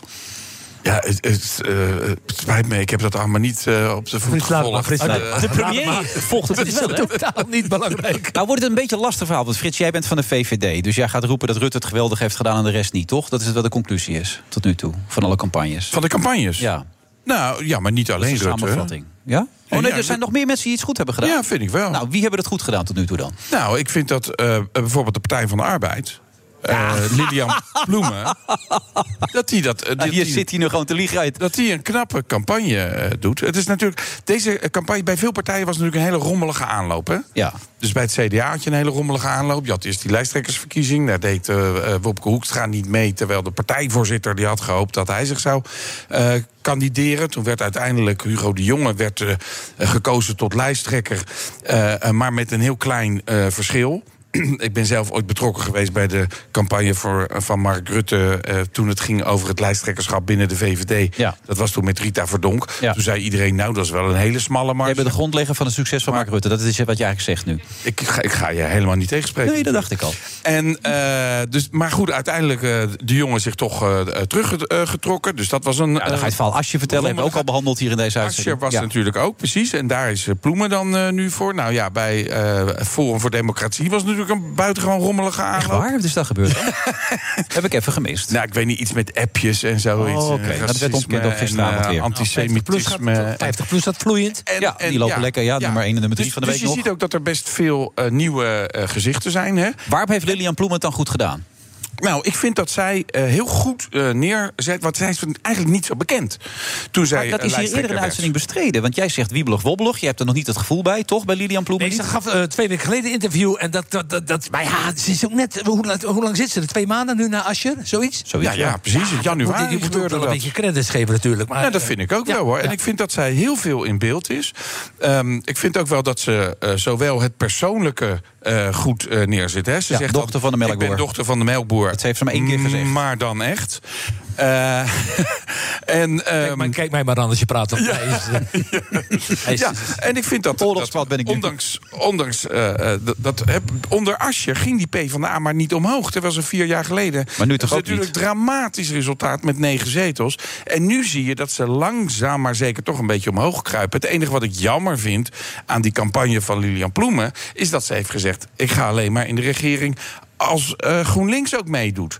Ja, dan zeg je dus, dan lever je je eigenlijk over aan GroenLinks. Dat begrijp ik niet helemaal. Want waarom zou ik dan op de Partij van de Arbeid? Thomas, jij onderschrijft hier wat door eh, Frits wordt ge- geopperd? Dat niet helemaal. Ik zie die weg omhoog in de peilingen eh, eigenlijk niet echt terug bij de Partij van de Arbeid. Nou, nu op 12. Ja. Ja, dat is zitten ze? 33% Ah, 11. meer dan wat Ja. ze nu, Nu in de Kamer hebben, ja, oké. maar wat, niet wat als wat gepeld werd met Asscher als voorman. Nou, dat was nog 10, geloof ik. Ja, nou goed. Maar het is, al- het is, het, het is allemaal niet een, een, een, een enorm reizend effect. En ik denk dat, het, het- het- laat ik zo zeggen, ze scoort niet de pannen van het dak. Ik bedoel, het is nog een beetje de marge, een beetje beter, een beetje beter. Wie scoort dan wel de pannen van het dak? Eigenlijk alleen maar toch... Hè? Daar heb je hem weer. Mark Rutte. Mark Rutte. Ja. Ja. Niks zeggen en toch blijven stijgen. Ja, met weinig te doen. Dat is, eh, ja, dat is knap. Ja, nou ja, als je dan hebt over een campagne die de laatste twee weken echt iets laat zien, in een verandering laat zien. En waar je merkt dat er in ieder geval bij de opiniepeilers er echt wat verandert. Dat is bij Sigrid Kaag van D66. Eh, daar zie je na haar tv-optredens, in ieder geval, eh, dat hoor je ook eh, na eh, haar, debat met mevrouw Ploemen trouwens, bij Jeroen Pauw, dat ze dat eh, had gewonnen. eh, Semi-glansrijk kan je zeggen. En, en dat daar ook wel eh, de, de motor is gaan draaien. En wat je ook hoort achter de schermen bij andere partijen, bijvoorbeeld bij het CDA en de VVD van, eh, van Frits, is dat ze daar toch wel een beetje bang van zijn geworden. We moeten meer vrouwen pushen in de media. even kijken, want, Frits, eh, je kijkt verbaasd nu. want Je kijkt verbaasd. die- Wat is dit? succes. Ik heb helemaal niet het idee dat iemand bang is geworden van, van, van Sigrid Kaag, om eerlijk te zijn. Ze doet het wel iets beter dan in het begin. Maar dat begin was natuurlijk ook heel erg rommelig. Met die tweet van toen ik afgestudeerd was aan de Universiteit van Cairo... moest ik kiezen tussen Ja. Harvard en Exeter en Oxford. En oh, oh, oh, wat heb ik toch zwaar gehad eh, met alle beslissingen in mijn leven. jij dat soort dingen, Frits? Dat Nou ja, maar dat is dan, dan denk je toch niet van... eh god, dat is echt iemand die dicht bij, eh, bij de bevolking staat. Dus dat is nu iets beter aan het worden. Maar het is nog steeds wel een campagne met heel veel fouten. Zoals bijvoorbeeld, noem eens een paar. Nou ja, bijvoorbeeld die tweet. Maar, Ja, ook, ook, maar ook dat ze... ze hadden natuurlijk een, een MeToo... eh, Ja, maar er bleek niks aan de hand te zijn, Frits. Onderzoek geweest, intern, niks aan de hand. Nou, ik- volgens mij ben jij, ben jij als journalist over het algemeen toch... dat je Nee, maar dat werd toch gebeurd- verder kijkt Natuurlijk, eh, hè, wat maar- daar gebeurt. En eh, misschien dat, dat, er, dat er niet zoveel eh, viel te verwijten bij deze meneer. En dat is alleen maar fijn natuurlijk. Mhm. Maar uit dat rapport bleek wel dat de sfeer binnen de partij... en dat hoe sommige mensen in de top zich gedragen... dat dat niet helemaal is conform de uitstraling... die mevrouw Kaag wil hebben van haar partij. Dus dat is toch niet... dat Voor Frits is het natuurlijk lastig, want die zit heel gekleurd hier. Maar eh, Bert, begreep jij waarom al die partijen zo al die pijlen op Mark Rutte gingen richten? En dat ze hem volledig gingen bashen ook. Dit is niet goed, dat is niet goed. Snapte jij dat? Ja, nou, maar ze, ze, ze moeten wel. Want ik denk dat, dat hij met vlag en wimpel gaat winnen. En die partijen ook. Want Rutte is natuurlijk VVD. En eh, ja, wat, wat, eh, ze hebben zichzelf een beetje... ja, ze hebben het zelf een beetje... Laat me, En maar Wopke die op een gegeven moment opende dat er toch wel heel veel fout was gegaan. En dat het tijd was voor een, Ja. voor een leider met visie. En dat het een keer al die fouten die zijn gemaakt niet meer gemaakt moesten worden. Terwijl je samen in het kabinet zit. Ja, maar als je het van je eigen partij maar vaak genoeg roept... dan, dan breng je jezelf ook weer in nood. Het is, het, is, eh, het is een soort uitvlucht. Laten we dan alle pijlen op wat jij zegt op Rutte eh, richten. En, het is, het is, het is, eh, en Rutte lacht er volgens mij alleen maar om. Die, die lacht altijd, maar... Dat is natuurlijk, dat is wel heel opmerkelijk. Er zijn natuurlijk een paar dingen opmerkelijk. Hè. Niet alleen die rommelige eh, eh, aanloop, maar ook dat alles in corona en daardoor moet alles Corona, ja. online. Maar wat natuurlijk ook opvallend is, is dat al die partijen richten al hun pijlen op Rutte. En dat is alleen maar in zijn voordeel. Ja, natuurlijk. Want al die partijen die zeggen dus eigenlijk tegen de kiezer: je kan kiezen. Wil je, Rutge, eh, wil je, wil je eh, Rutte houden? Nou, dan stem je op de VVD. Wil je dat niet, dan kan je op een van die 36 andere partijen die meedoen eh, stemmen. Waardoor de kiezer de hele tijd, in ieder geval als keuze Rutte, krijgt voorgeschoteld. Dus ze helpen hem. Als spindokter zou je zitten te genieten, heb ik wel weer door. En dan komt bij door al de geklooi van die andere partijen... komt hij met zijn partij ook goed weg. Want de ene VVD na de andere VVD sne- sneuvelde een paar maanden en jaren geleden. Maar dat, Nee, dat is de de meeste partij met de meeste schandalen. Ja, En dan daarom, gaat, gaat maar Frits dat wordt allemaal- het CDA. Wel, maar dat Oh, wordt allemaal Vorig weg. jaar was dat het CDA. Nou ja, de afgelopen 35 bereidt jaar, bereidt afgelopen dat het goed 35 voor, jaar? Frits, eh, is het altijd de VVD geweest, hoor. En dan wordt dat altijd als excuus gebruikt, omdat het ook de grootste partij is. Het is altijd één te veel, maar, de, maar het is, je moet wel de feiten. Dus Ja, wat maar wie hier heeft, nu gebeurt. Ja, maar wie heeft het nog over die schandalen van de VVD? Toch niemand meer? Nou, jij nu net. Ja, ik noem het net. Ja, Wat, wat hier nu gebeurt is de angst van de VVD. eh, hoor je ook wel binnen die partij. Is dat iedereen ervan uitgaat. Die VVD die gaat toch wel glansrijk winnen. Waardoor misschien een VVD-kiezer kan denken. Nou dan ga ik strategisch stemmen op een andere partij. Eh, bijvoorbeeld het CDA of D66. En dat is een heel groot risico bij de VVD. En niet vergeten als de VVD echt in elkaar kukelt. Stel dat dit effect echt groot is. Dan is Geert Wilders misschien wel de grootste van ons land. Nou, die, dat is allemaal heel erg onwaarschijnlijk. Maar wat, wat, wat ja. wel opvallend is... toch gezegd hebben. Maar wat wel opvallend is... Nee, maar dat is leuk, joh. Dat, maar, maar de, de- maar wat het- je hebt geen tweestrijd nu. Dus dat is inderdaad... Als je dat bedoelt, dat klopt natuurlijk wel. Hè. Normaal gesproken heb je de CDA die denkt van... ja, maar als de PvdA het grootste wordt... leveren die de premier, dus dan stem ik maar VVD. Of een GroenLinkser die denkt van... ik stem PvdA als die VVD'er dan maar niet de premier wordt. Dat effect is er nu niet. En ik denk dat er een ander effect ook is... dat daardoor mensen ook nog wel iets verder kijken... en mogelijk op partijen gaan stemmen... die nog helemaal niet vertegenwoordigd zijn in de Tweede Kamer. Dus Als we nu naar de Volt en peilingen dat soort kijken... partijen bedoel je? Volt en Ja21, en Code Oranje van Richard de Mos. Uh, Bijeen ook? Dat zijn, dat zijn, bijeen kan ook. Ja. Uh, en, en je hebt wel kans dat de versnippering... na de verkiezingen in de Tweede Kamer... nog veel groter is dan dat die nu is. En dat je misschien wel vijf partijen nodig hebt... om een regering te vormen. Maar mag ik er alle drie wat vragen? Stel je voor dat nou uh, uh, Rutte, geen Rutte, dus met de corona en toestanden enzovoort. Wie dan? Wie, wie, wie zou het beter gaan doen? Wie? Een naam. Je hebt, net wat jij zegt, je had altijd twee, drie personen waarvan je dacht... ja, maar dat zou, dat, die zou het over kunnen nemen. Wie? Wie dan? Pieter Omzicht. Pieter Omzicht, jij? Ja. Ja, maar bedoel je nou op wie ik dan zou nou, ja, wie, nou, Rutte, nee, Rutte is het dan. Rutte wordt het niet. Stel, Rutte wordt het niet. Stel voor dat hij morgen zegt: ik hou ermee op, of het VVD wint niet. Wie gaat dit beter doen? De corona shit en alles. Wie? wie Gert-Jan Segers vind ik ook een goede Dan in theorie zou Geert Wilders de grootste partij zijn, maar die kan met niemand formeren. Dus dan kom je uit bij de derde partij. En dat wordt interessant. Wordt dat Hoekstra of wordt dat Kaag? Eén van die twee. Ja, maar wie Nee, zie jij? je bedoelt, je bedoelt persoonlijk. Even Oh, jou. wie zie je? Ik heb Wie- geen mening, Bert. Nee, ik ben meningloos. nee, maar de, Nou, ik, dat is ik, ik lekker weet het niet. Ik weet niet wie zet De hem dan. meningloze mensen. Nou als je daar kijkt wie er dan nu in het kabinet zit, Bas van het Woud, dat is de, de huidige minister van Economische Zaken. Geweldige uh, kerel. Ja, Krijgt mijn stem ook. Staat op zes bij de VVD op de lijst. Ja, maar het is alweer VVD. Maar dat had ik niet anders verwacht. Leuk dat je er was, Frits, trouwens. Bedankt nou, daarvoor. Hartstikke goed. Fijn. Blijf bellen. Ja, doen we zeker. je woont op Noek. Thomas, bedankt. In.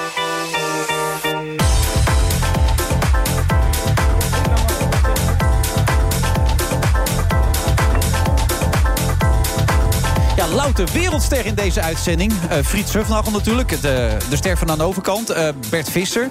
En nu hebben we Lucas en Arthur Jussen. Uh, kende jij ze van tevoren voor deze uitzending, Bert? Absoluut. Ja, hè? Ah, ja, ja, ja, ja, zeker, zeker, zeker. Ja, dat zijn er wel veel. Want jij speelt goed piano, maar dit is overtreffende trap, hè?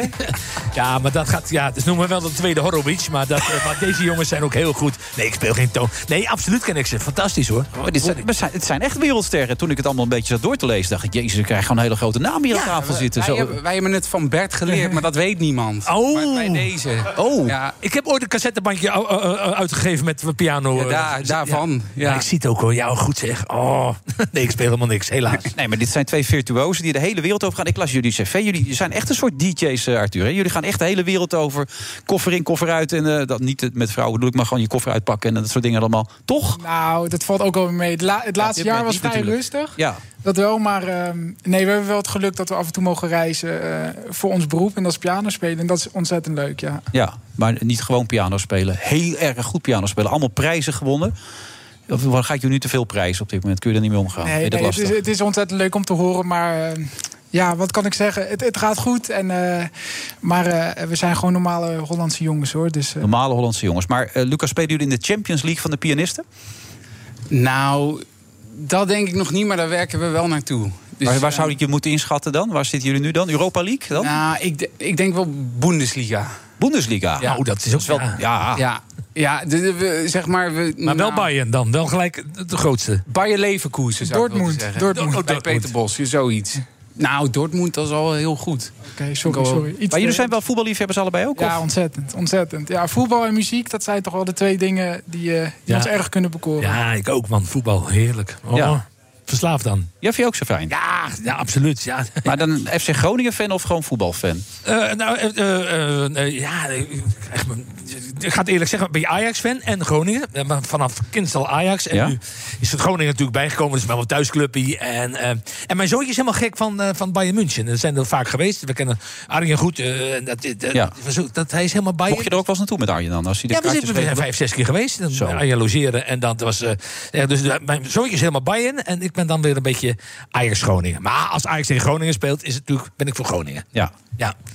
Eigenlijk zijn jullie één. Hè? Ik begrijp uit alle verhalen die ik er ook over hoor. Als jullie samen spelen, zijn jullie eigenlijk een soort twee-eenheid. Dat is, echt, dat is jullie kracht ook, begrijp ik toch? Naast het feit dat je goed kunt piano spelen. Nou ja, als je samen speelt, dan probeer je natuurlijk eh, als één instrument te klinken. Want als je twee verschillende mensen hoort, dat is niet de bedoeling. Dus eh, we proberen zoveel mogelijk naar elkaar te voegen. En dan hoop je dat je, als het ware, klinkt alsof één eh, pianist aan het spelen is. Ja. Ja.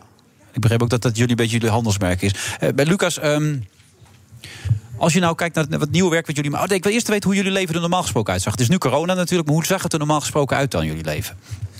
Ja, heel onregelmatig. Eh, de ene week dan, dan, dan vlogen we ehm, ja, misschien van Spanje naar Duitsland, eh, naar Oostenrijk. En dan was je een hele week weg. Eh, speelde je vijf concerten op verschillende plekken. Eh, dan misschien weer twee weken helemaal niks. Dan weer drie weken weg. Ehm, totaal onregelmatig. Wat we ook wel fijn vinden hoor. Wij, we, we houden daar wel van. 9 tot 5, dat is niet echt. eh, Een beetje het zigeunerleven. Precies, een beetje ik- wel. dat Ja, vind ik ook ja. heerlijk. Maar ja. hoeveel uur per dag zie je elkaar dan ook? Ja, veel. Veel. Het, het, het, is een soort, het is toch een soort van huwelijk, zeggen we altijd wel. En eh, tot nu toe een heel goed huwelijk. Ik- denk dat we het geluk hebben dat we heel goed met elkaar kunnen opschieten. Daar kies je niet altijd voor. Zeker niet als broers. Je kunt het of je kunt het niet. Maar eh, nee, we, we, we gaan goed met elkaar. het gat is drie jaar. Hè? Jij bent de oudste, toch? Ja, ja. En, en merkte je dat in het begin ook, toch? Dat het, het een beetje een jonkje was? Is hij een beetje bijgegroeid? Of eh, was het altijd wel eh, Ja, ik merk het nog steeds wel af en toe aan. Ik denk, jongen, je moet nog zoveel leren. Maar, maar goed. De sfeer zit erin, jongens. Nee, nee, dat leeftijdsverschil is helemaal, eh, is helemaal weg. Hebben jullie wel eens een debat over welke muziek heb jij? Bijvoorbeeld een speciale componist en hij een totaal andere, wat je, met, wat je het liefst speelt? Of heb je, is dat ook samen dezelfde gedachte? Ja, het is een beetje saai, maar vaak zitten we wel op dezelfde lijn, moet ik Ah. zeggen. Ja, ja. En natuurlijk heb je wel eens discussies over wat we gaan doen, maar eh, vaak komen we er wel uit. Vrij snel, ja. En dus nu een nieuw album. Ik probeer me altijd voor te stellen hoe dat werkt. Want je, je gebruikt materiaal wat al lang bestaat natuurlijk. En toch is het een nieuw album. Dat klopt, ja. ja we, Hoe werkt we- dat dan? Ja, dat, dat, eh, dat is misschien een beetje iets van de klassieke muziek. Kijk, in de popmuziek wordt er eigenlijk als er een nieuwe plaat komt, is er nieuwe muziek. Tenzij het een coveralbum is van Ja. iemand. Maar eh, in de klassieke muziek wordt er ook nieuwe muziek gemaakt. Maar grijp je toch vaak naar oudere muziek, muziek die al geschreven is. Ja. Zo werkt het een En beetje. wat, wat maakt het dan anders dan dat het door andere mensen gespeeld is? Wat is dan het verschil? Ja, dat is een hele goede vraag. En als je daar te lang over na gaat denken, dan neem je nooit meer een plaat op. Want je denkt dat is al honderdduizend keer gedaan. Het enige voordeel voor ons is dat er. ehm, kijk, je hebt heel veel solo-pianisten, maar je hebt minder duo's. Eh, dus die, die duo-muziek die wij hebben opgenomen, die is toch net wat minder vaak opgenomen dan eh, de werk die al duizend keer van Beethoven of Mozart zijn opgenomen. Ja. Dus wat dat betreft, daar halen we een beetje. Eh, En de liefhebbers voelen dat ook meteen. Dat het net even weer iets... ja, dat hoop je dan. Dat hoop je dan. Dan hoop je dat ze, dat ze vinden van ja, deze uitvoering is het toch waard om een, eh, nieuw, een nieuwe plaat van te horen. Ehm, maar we hebben ons best gedaan. We hebben ons best gedaan. En, en de Russische meesters hebben vaak iets romantisch, heb ik me laten vertellen. Maar er zit nog iets onder. Wat zit daaronder dan precies? Ja, eh, het is altijd eh, op het eerste. Op, als je het de eerste keer hoort, dan denk je vaak meteen: oh, heel mooi, romantisch inderdaad. Maar ehm, ja, veel van die Russen hebben toch ook, ook tragische of moeilijke levens gehad. Er zit altijd een gevoel van nostalgie, heimwee. Ehm Rachmaninoff bijvoorbeeld is iemand die op de plaats staat, is geëmigreerd naar de Verenigde Staten op een gegeven moment. En die heeft ook in zijn biografieën en zo gezegd: van ja, ik mis Rusland natuurlijk, maar kon niet meer terug onder dat Sovjet-regime. Uh, Shostakovich ook is iemand die. Ja, Rachmaninoff, je zegt er ook van, ook al speelt hij vrolijk, toch zit er nog altijd een traan in. Hoe, hoe, hoe, speel je dat dan? Hoe doe je dat dan? Ja, dat is ook iets. Wij proberen dat. Wij proberen dat te begrijpen en proberen dat gevoel erin te leggen. En tegelijkertijd denk ik van ja, als je zelf rust bent en je komt daar echt vandaan, Hm? dan voel je misschien toch nog iets begrijp je dat toch nog op een manier die wij niet, niet kunnen begrijpen. Ook al lezen we nog honderd boeken en, en eh, gaan we er naartoe. Maar jullie waren kapot fysiek, heb ik me laten vertellen, toch? Jullie waren, je zaten er helemaal doorheen als je gespeeld had, toch? Bij het opnemen. Nou ja, dat, dat is, eh, dat, het, het is vrij fysieke muziek. Het is grote muziek, het is rijke muziek. En eh, bij, bij zo'n opnamedag dan ben je gewoon zes, zeven uur achter elkaar flink volle bak aan het spelen. Ja. Omdat het vrij eh forse muziek is, eh, waren we een beetje moe. En dat hebben we toen Een beetje moe? En, ja, precies. En wanneer houdt het dan op? Gewoon fysiek of, of, of gewoon in je hoofd wil het niet meer? Of, eh, Nee, het, het, het, het is ook een beetje overdreven. We, waren gewoon, eh, we, we merkten dat we een dag eh, flink hadden gewerkt. Ja. En, eh, en de volgende dag hadden we een beetje spierpijn, maar dat, dat was het dan ook. Maar doet het ook iets met jullie zelf dan, als je zo'n album maakt? Gebeurt er iets met je? Wat gebeurt er met je? Ja, je, je duikt toch in een, in een bepaalde wereld eventjes voor die, voor die paar dagen helemaal. En eh, het is toch een soort bubbel waar je in zit. Ehm, zeker nu, bij die studio's ook. Het is natuurlijk helemaal leeg door de corona. Er is niemand, dus je, je bent echt vier... Nou, hoe lang hebben we het gedaan? Drie dagen lang puur met die muziek bezig. En ehm, dat was ook wel fijn, hoor. Door, door de corona was het natuurlijk ook een lange periode... dat je gewoon dat je denkt, ja, ik moet iets vinden om me mee bezig te houden. Dus je, je kunt er ook lekker induiken. Ja, daar hadden jullie de tijd ook voor nodig. En anders lukt het ook niet, toch? Om zo Nee, te doen. nee, zeker, zeker. Hebben jullie ook iemand die... eh, bijvoorbeeld, ik vind de, de timing van Toon Hermans waanzinnig. En dat, dat kan ik tien keer naar kijken en denk van... dat ga ik nooit halen. Hebben jullie, is er een, een componist of pianist waarvan jullie zeggen van... nou, dit is, dit, als ik dit let, heb ik tranen. Dit is zo mooi, dit is zo goed. En... eh, is er iemand, ik noemde net Horowitz of Rubinstein of wat dan ook... maar misschien is dat wel heel, zijn Nou ja, dat je verkeerde noemt- voorbeelden? Nee, nee, je, je noemt ze. Dat zijn de grootheden. En eh, kijk, het mooie is ook altijd als je naar die opnames luistert, die waren helemaal niet perfect. Nee. Daar ging ook wel eens een nootje mis. Eh, maar daar zat iets in, of daar zit iets in wat. ehm, wat, wat je niet kan beschrijven wat dat nou is. Net, net een stilte, net Ja, een stilte ja. die langer duurt, net iets uitstellen of net, juist net iets sneller. Ja, wat is dat? Het is hetzelfde op het toneel wat, Ja. wat jij doet. Soms heb je, heb je de publiek aan je, aan je vinger en je, je kan doen wat je wil. Wat is dat? Dat Ja. is timing, dat is het, het, eh, de nuance. Dat, dat is zo mooi ook om, wat u doet. Sorry, u moet ik zeggen. Nee, bij mij geen zeg. Ik ben, ik ben 27, hou eens op. ja, anders dan krijg ik eh, pets van mijn vader en moeder dat ik niet beleefd ben. Maar, nee, Maar je hebt gelijk, dat, is, dat, is een, dat, dat kan, kan in alles zitten natuurlijk. Stiltes in, in eh, aanlopen en, en ja... Ja, en wat dat is, is zo moeilijk om in woorden uit te leggen. Maar dat, eh, dit, dit is de magie van wat er op het Maar hoe kan je dan die volgende stap nog maken? Dat zit ik me ook af te vragen. Want jullie spelen nu Bundesliga. Ik neem aan straks Premier League. Of eh, in Spanje willen jullie ook nog spelen, bij wijze van. Om even de meter, voetbalmetafoor. Wat moet daar nog voor gebeuren dan? Wat is dat dan? Ja, je moet, je moet ten eerste gewoon overal eh, heel goed presteren. Heel, heel goed spelen. Een goede indruk achter. doet hoor? Ik voetbalantwoorden. Ga door. Ja, nee, sorry. Ja, heel ik goed. heb, ja. eh, ik heb PR-les gehad. Ja, zeker. Nee, en ook gewoon keihard willen werken. Ik denk dat dat er ook wel echt bij hoort. Je moet, je moet het willen. En eh, dan denk ik vaak, ja, als je zo'n Ronaldo na die trainingen toch nog een half uurtje vrije tappen ziet nemen. Ja, dat. Je, er zijn er ook, natuurlijk ook mensen die halen het zonder dat te doen. Maar ik denk altijd van, ik doe het toch. Als ik het dan niet haal, dan kan ik wel tegen mezelf zeggen dat ik, dat, ik- dat ik het heb gedaan. Training, hoeveel per dag? Oefenen, repeteren? Wat, Nou, vijf uurtjes of zo. Ja. Jij ook? Ja. Wie is het meest fanatieke van jullie twee dan? Nee, allebei. In, in piano spelen? Ja? Nee, dat, is- dat is wel gelijk. En in voetbal? Nee, dan vergeet ik hem op. Ja, dat- ja. dat moest Maar ook nog wel eens leuke dingen naar de disco. eh, dat soort dingen achter de vrouwen aan. Dat soort dingen. Of, Nou, daar hadden we nu tijd voor, maar nu is alles dicht. Dat Ja. is zo jammer. Hè? Dan heb je tijd voor leuke dingen, voor de leuke dingen. Maar, eh, nee, Ook niet? ja, zeker, zeker. Dat eh, hoort er ook allemaal bij. Als het straks weer kan, toch? Ja? Ja. Dan ga je er even los ook. Zeker. En wat, en wat zit in jullie hoofd? Wanneer denken jullie weer ook te mogen spelen? Wat eh, voor publiek? Ik ga uit van het nieuwe seizoen in september. Ja, ik ook, En in ja. de zomer nemen we ook nog wel een paar dingetjes mee, denk ik. En alles daarvoor is mooi Ja, meegenomen. ja, ja. Hoop ik. ja. Tot die tijd genieten van de vrije tijd, hè? Ja. Lekker Veronica Inside vanavond weer, toch? Half negen, jongens. Ja. Ja, weten. Valentijn Driessen, dan weet je. Dan wordt het lachen, hè? Ja, de- is, eh, 3-0 gewonnen. Zou die iets negatiefs te zeggen hebben? Hij is niet gegaan. Hij denkt, ze zullen het wel niet redden. Oh, denk ik. Ja. Maar dan gaan ze het redden, dat scheelt. Als Ja, hij zegt dat ze het niet gaan redden, dan redden Ja, ze nee, het. dit zijn de nou- vaste kijkers, hoor je Ik vond nou dat we het over voetbal hebben. Ik vond dat van Barcelona toch na 20 minuutjes ook nog even spannend worden. Tot, eh, Ja, als Messi die penalty nou Ja, nou, maakt. dat bedoel ik, jongens, toch? Jongen, Zo. ja, toch, en, en, die, en Dembele had er ook drie in kunnen janken. Nou, ja. minstens, ja. Hallo. Ja, ongelooflijk. Ja, Jongens, pakken een biertje en een blokje kaas. Kom je erbij zitten?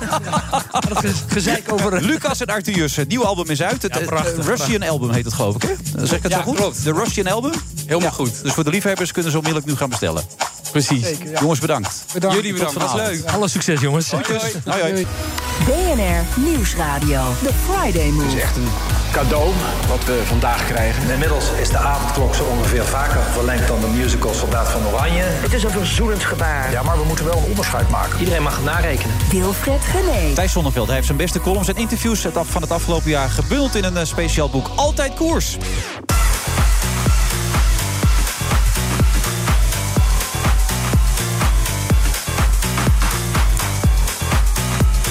En Bert Visser is nog steeds aanwezig, mijn co-host. Hij bracht een nieuw boek uit, Bert Visser. Dat wordt nooit wat, met allemaal anekdotes waarin het eigenlijk altijd misging.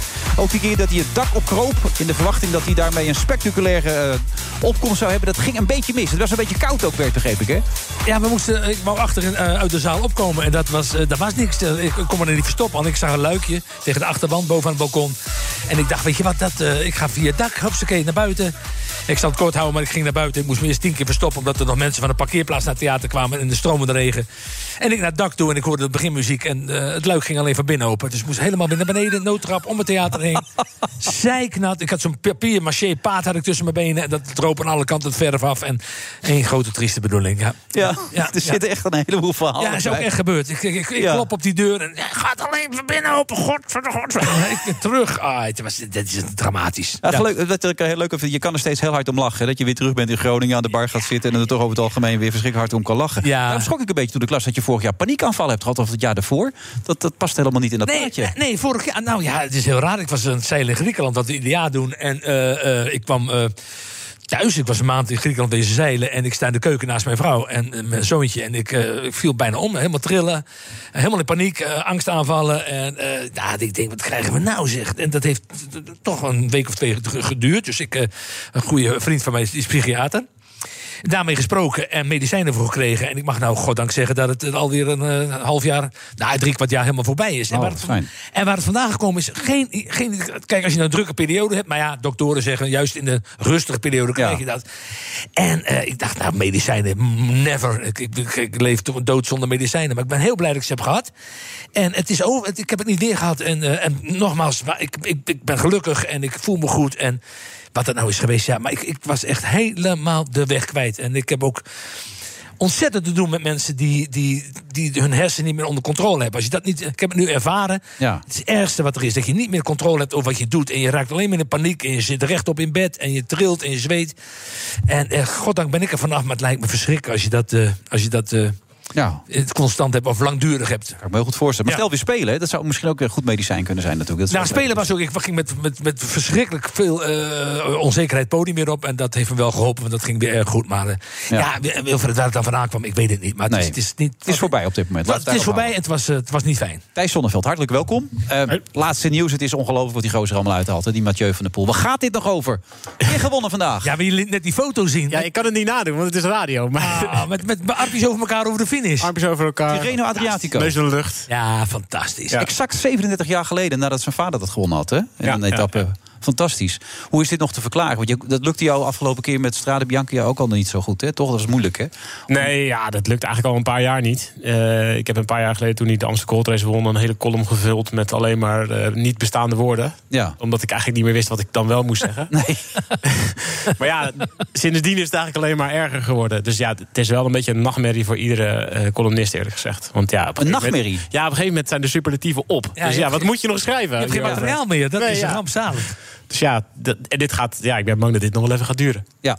Nee, dat denk ik ook. En, en dat is ook mooi, omdat het wielrennen op dit moment toch weer populairder is dan ooit. Dat schrijf je ook in dit boek, in je columns die je allemaal hebt gebundeld. Het was een geweldig jaar eigenlijk vorig jaar voor de wielrennersport. Ja, gek genoeg wel. En eh, ja, uiteraard eh, eh, is het een heel eh, vreemd jaar geweest. En eh, eh, eh, heel slecht op heel veel eh, gebieden. En in het wielrennen dachten ze dat het echt een dramatisch Ja. jaar zou worden. Omdat ze dachten, ja, weet je, al die ploegen die keeperen om. En al die Geen organisatoren. erbij, bijna. Geen publiek. Ja, dit wordt een ramp voor het wielrennen. Ja. En ja, eh, als we nu terugkijken, dan eh, eh, viel het eigenlijk eh, al met al heel goed mee. Eh, sterker nog, er zijn heel veel mensen gaan wielrennen. En ja, aangezien wielrennen een van de weinige sporten die en nog doorging. En die leuk was om te zien. Ja. Door, ja, ik weet niet hoe jij naar de, de, Champions League finale vorig jaar hebt gekeken. Ik vind het verschrikkelijk inderdaad. Ook van de week weer, als we die wedstrijd doen Barcelona op bezoek bij Paris Saint-Germain. Je hoort ze gewoon alles tegen elkaar zeggen. Het is zo gek. Ja, het lijkt echt alsof je naar een soort oefentoernooitje van de Kroken Cup en de Algarve zit te kijken. En dat zeiden René en Wim ook. hè. Die zeiden, dit, is, dit is bijna niet te doen voor voetballers. Om zo te moeten voetballen in deze atmosfeer. Dat is zo moeilijk. Ja, maar gek genoeg had je dat dus bij wielrennen... wat je associeert met, eh, met calls vol met mensen. Wat, wat er heus soms gebeurde. In de Tour stonden ze natuurlijk bovenop elkaar... en dan zeiden we allemaal, ja, het slaat helemaal nergens op. Eh, maar er waren heel veel wedstrijden waar nauwelijks publiek was... of helemaal geen publiek. Zie je de Ronde van Vlaanderen bijvoorbeeld van vorig jaar... waar Van de Poel en Van Aert tegen elkaar reden. Ja. Ja, was een fantastische wedstrijd. Daar gaan ze sprinten in de laatste 200 meter tegen elkaar. In een volkomen leeg... Ja, maar was- Niemand daar. Ja.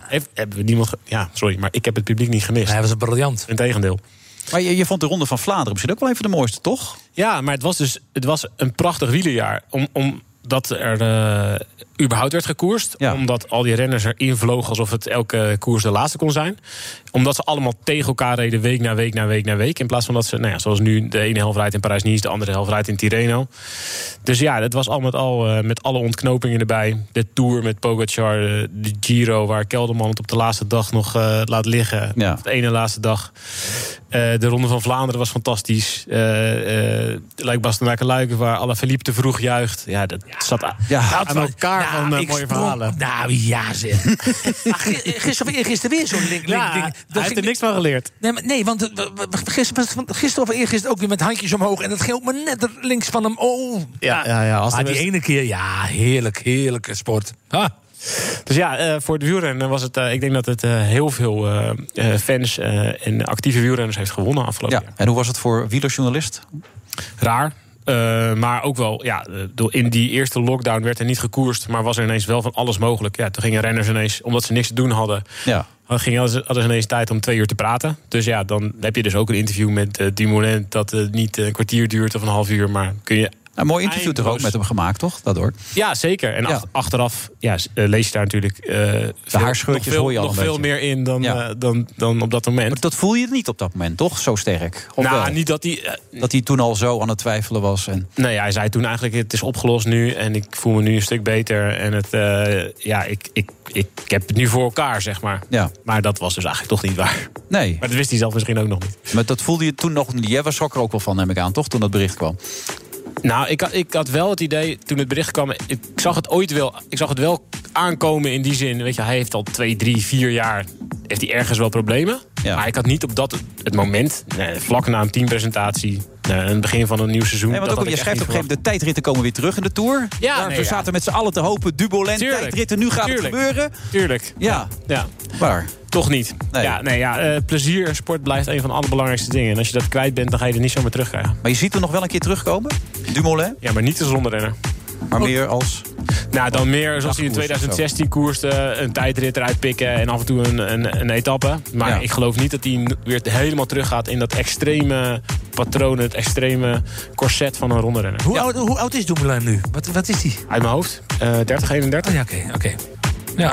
Is dat oud voor de wiel? Nee, dat, dat, kan, kan dat, nog moet wel. nog wel, vijf- dat moet nog wel vijf jaar kunnen, toch? Kijk eens naar Bouke, man. Bouke. Ja, dat dit is- doen zijn ritten nog steeds, Ja, hoor. dat is ook zo. Re- Rebellin heeft net ook zijn contract verlengd. Die is 50. Kijk, oh, hier. Oh, nou. Ongelooflijk. Maar jij bent er ook nog lang niet klaar, Thijs. Hè? Altijd koers.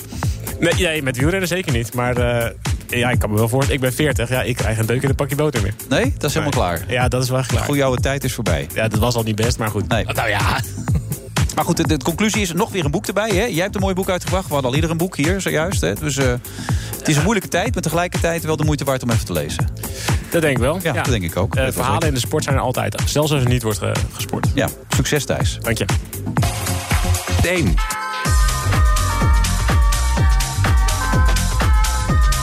Absolute slotfase van deze uitzending. Ja, die houden we er natuurlijk in. De absolute slotfase van de uitzending van 12 maart. We zitten in Dauphine, helaas nog zonder publiek. Maar wel veel mensen die even blij zijn dat ze er even uit mogen. Zoals Bert Visser. Die, ja, Bert is helemaal blij. Bert zit aan te kijken. Zo, oh, we gaat de, allemaal dingen tegen Thijs. Nou ja, dat kan ook allemaal. Martine de Knoop is aanwezig. Zij is van de Travel Club. Een bedrijf met de 400 zelfstandige reisagenten. We gaan eruit met een klein geintje. Ik hoorde van de week al eh, Arjan Kers van Toeie op, eh, op Radio Veronica. Wat is precies het idee, Martine, van de Partij voor de Vakantie? Ja, goedemiddag. Leuk dat ik Goedemiddag. weer trouwens even mag aanschuiven. Dat is alweer goedenavond, ja. Ja, het is alweer goedenavond. Ik weer met handen te kletsen. Het is ook, ja, nou ja. je bent niet nou, erbij, eh, Bert. Sorry, sorry. Ja. Het doel van de Partij van de, van de Vakantie Nou, dat is een uh, ludieke actie die, uh, die gestart is. En op een symbolische manier eigenlijk aandacht vragen voor de reisbranche. Uh, het is een symbolische manier omdat de, de Nederlander toe is aan vakantie. Ja. En de reisbranche ook aan een stukje perspectief. En op deze manier proberen wij de aandacht te trekken van de politiek in Nederland. voor die welbekende stip aan de horizon. Want zoals we allemaal weten zitten de landsgrenzen nog dicht tot, tot 15 april. En hopen wij 23 maart bij de persconferentie natuurlijk weer meer te horen. Uh, en hopen we dat de politiek wat meer perspectief gaat uh, bieden. Ja, de 400 zelfstandige reisagenten. Hoe gaat het met de Travel Club op dit moment dan? Het hoe... gaat goed naar omstandigheden met de Travel Club. Ik moet zeggen, de Travel Club Your Travel. Wij opereren onder uh, twee merknamen met 400 zelfstandig reisadviseurs in Nederland. Ja. Dat worden ook al persoonlijke reisadviseurs genoemd. Die ontzorgen de consument in het hele boekingsproces. En staan ook bij tijdens de vakantie, mochten er problemen zijn op afstand. En uh, dat doen zij voor heel wat klanten in Nederland. Maar dat is de laatste tijd een beetje rustig geweest. Ik had, ik had uh, vorige zomer een prachtige reis bij de Travel Club geboekt. Echt waar? Maand, bijna vijf weken door Amerika. Dat, Zo. Hebben, dat hebben we moeten cancelen inderdaad. Dat was ja. bij de Ja, helaas. Aardige mensen ook bij de Travel Club? Ja, dat was een hele aardige mevrouw. Die, ja? gelijk, die komt bij je thuis. Kopje koffie, koekje erbij. En dan Echt waar, joh? Ja, zo gaat dat. Ja, ja, jij gaat alles op internet. Maar we krijgen een, een chique dame thuis.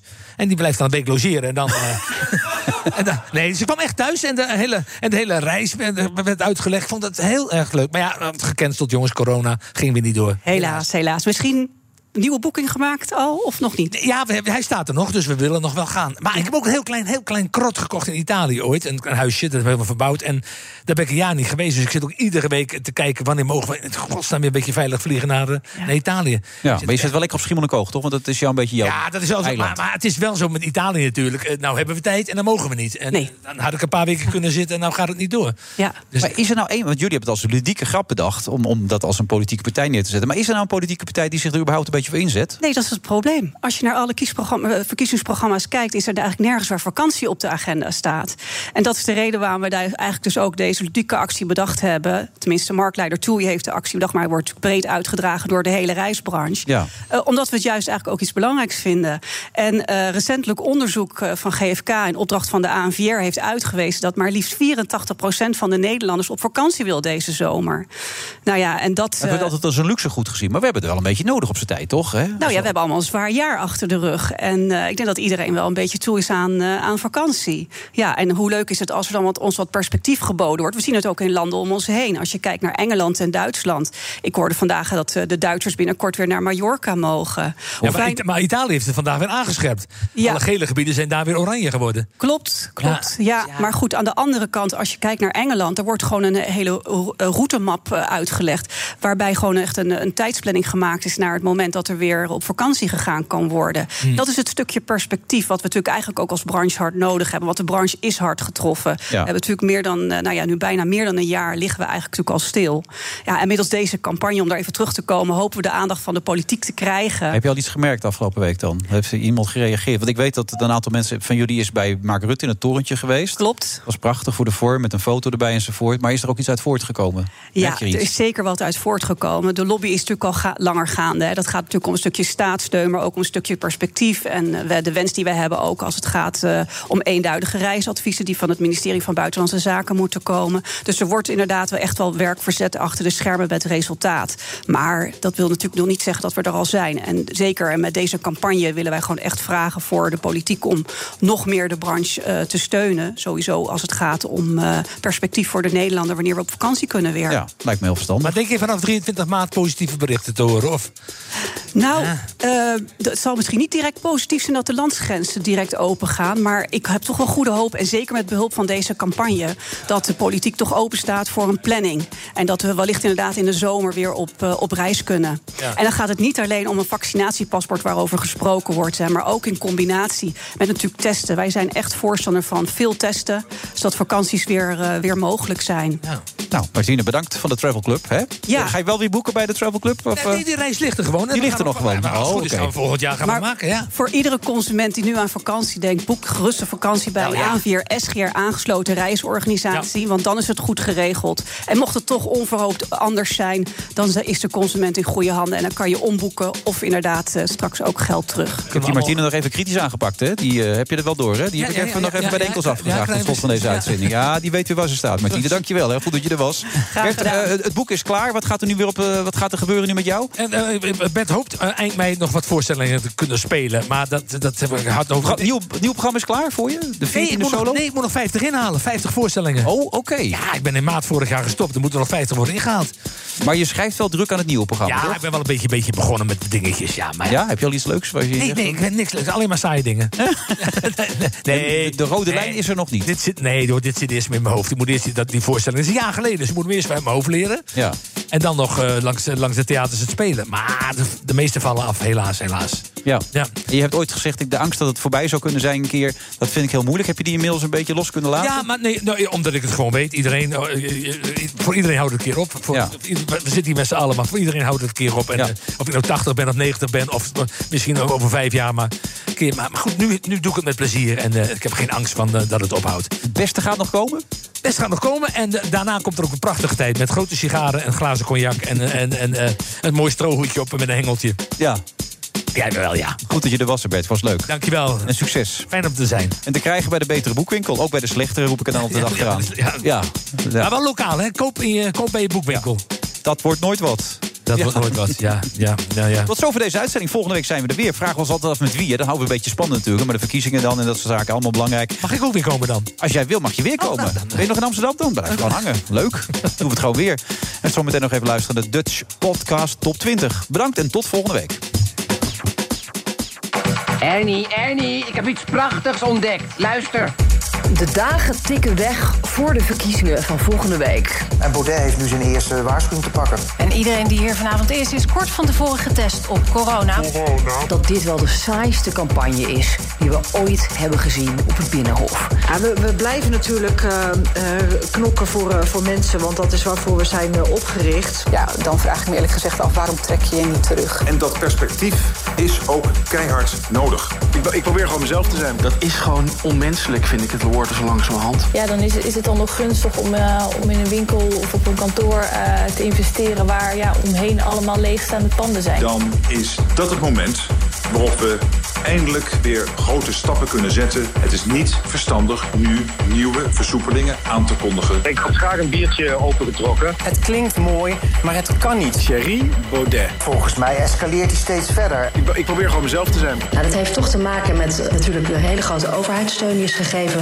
We're now on track to have enough vaccine supply. We hebben een vierde eh, vaccin dat we aan ons wapenarsenaal kunnen toevoegen. En dan zie je dat de VVD beweert de klimaatdoelstellingen te halen, maar dat gewoon niet doet. Het is echt een cadeau wat we vandaag krijgen. Het duurt alleen nog eventjes voordat we het kunnen uitpakken. Ja, maar we moeten wel een onderscheid maken. Het lijkt op zich eh, gewoon een kwestie van vraag en aanbod te zijn. Wat ons betreft eh, gaan we dat testen echt veel eh, breder inzetten. Nederland wil haar vrijheid terug. Het is een verzoenend gebaar. Dat je er eigenlijk wel vanuit kunt gaan dat je gehackt bent door de, door de criminelen. En iedereen mag het narekenen. Leugens en swoesjes. En u loopt weg op het hoogtepunt van een crisis. Ja, maar we moeten wel een onderscheid maken. Inmiddels is de avondklok zo ongeveer vaker verlengd dan de musical Soldaat van Oranje. Voor de zoveelste keer. Toch zijn de vooruitzichten voor die derde golf niet goed. De Friday Move wordt mede mogelijk gemaakt door Droomparken en TUI. Discover your... Hardlopen, dat is goed voor je. En Nationale Nederlanden helpt je daar graag bij. Bijvoorbeeld met onze digitale NN Running Coach... die antwoord geeft op al je hardloopvragen. Dus, kom ook in beweging. Onze support heb je. Kijk op nn.nl slash hardlopen.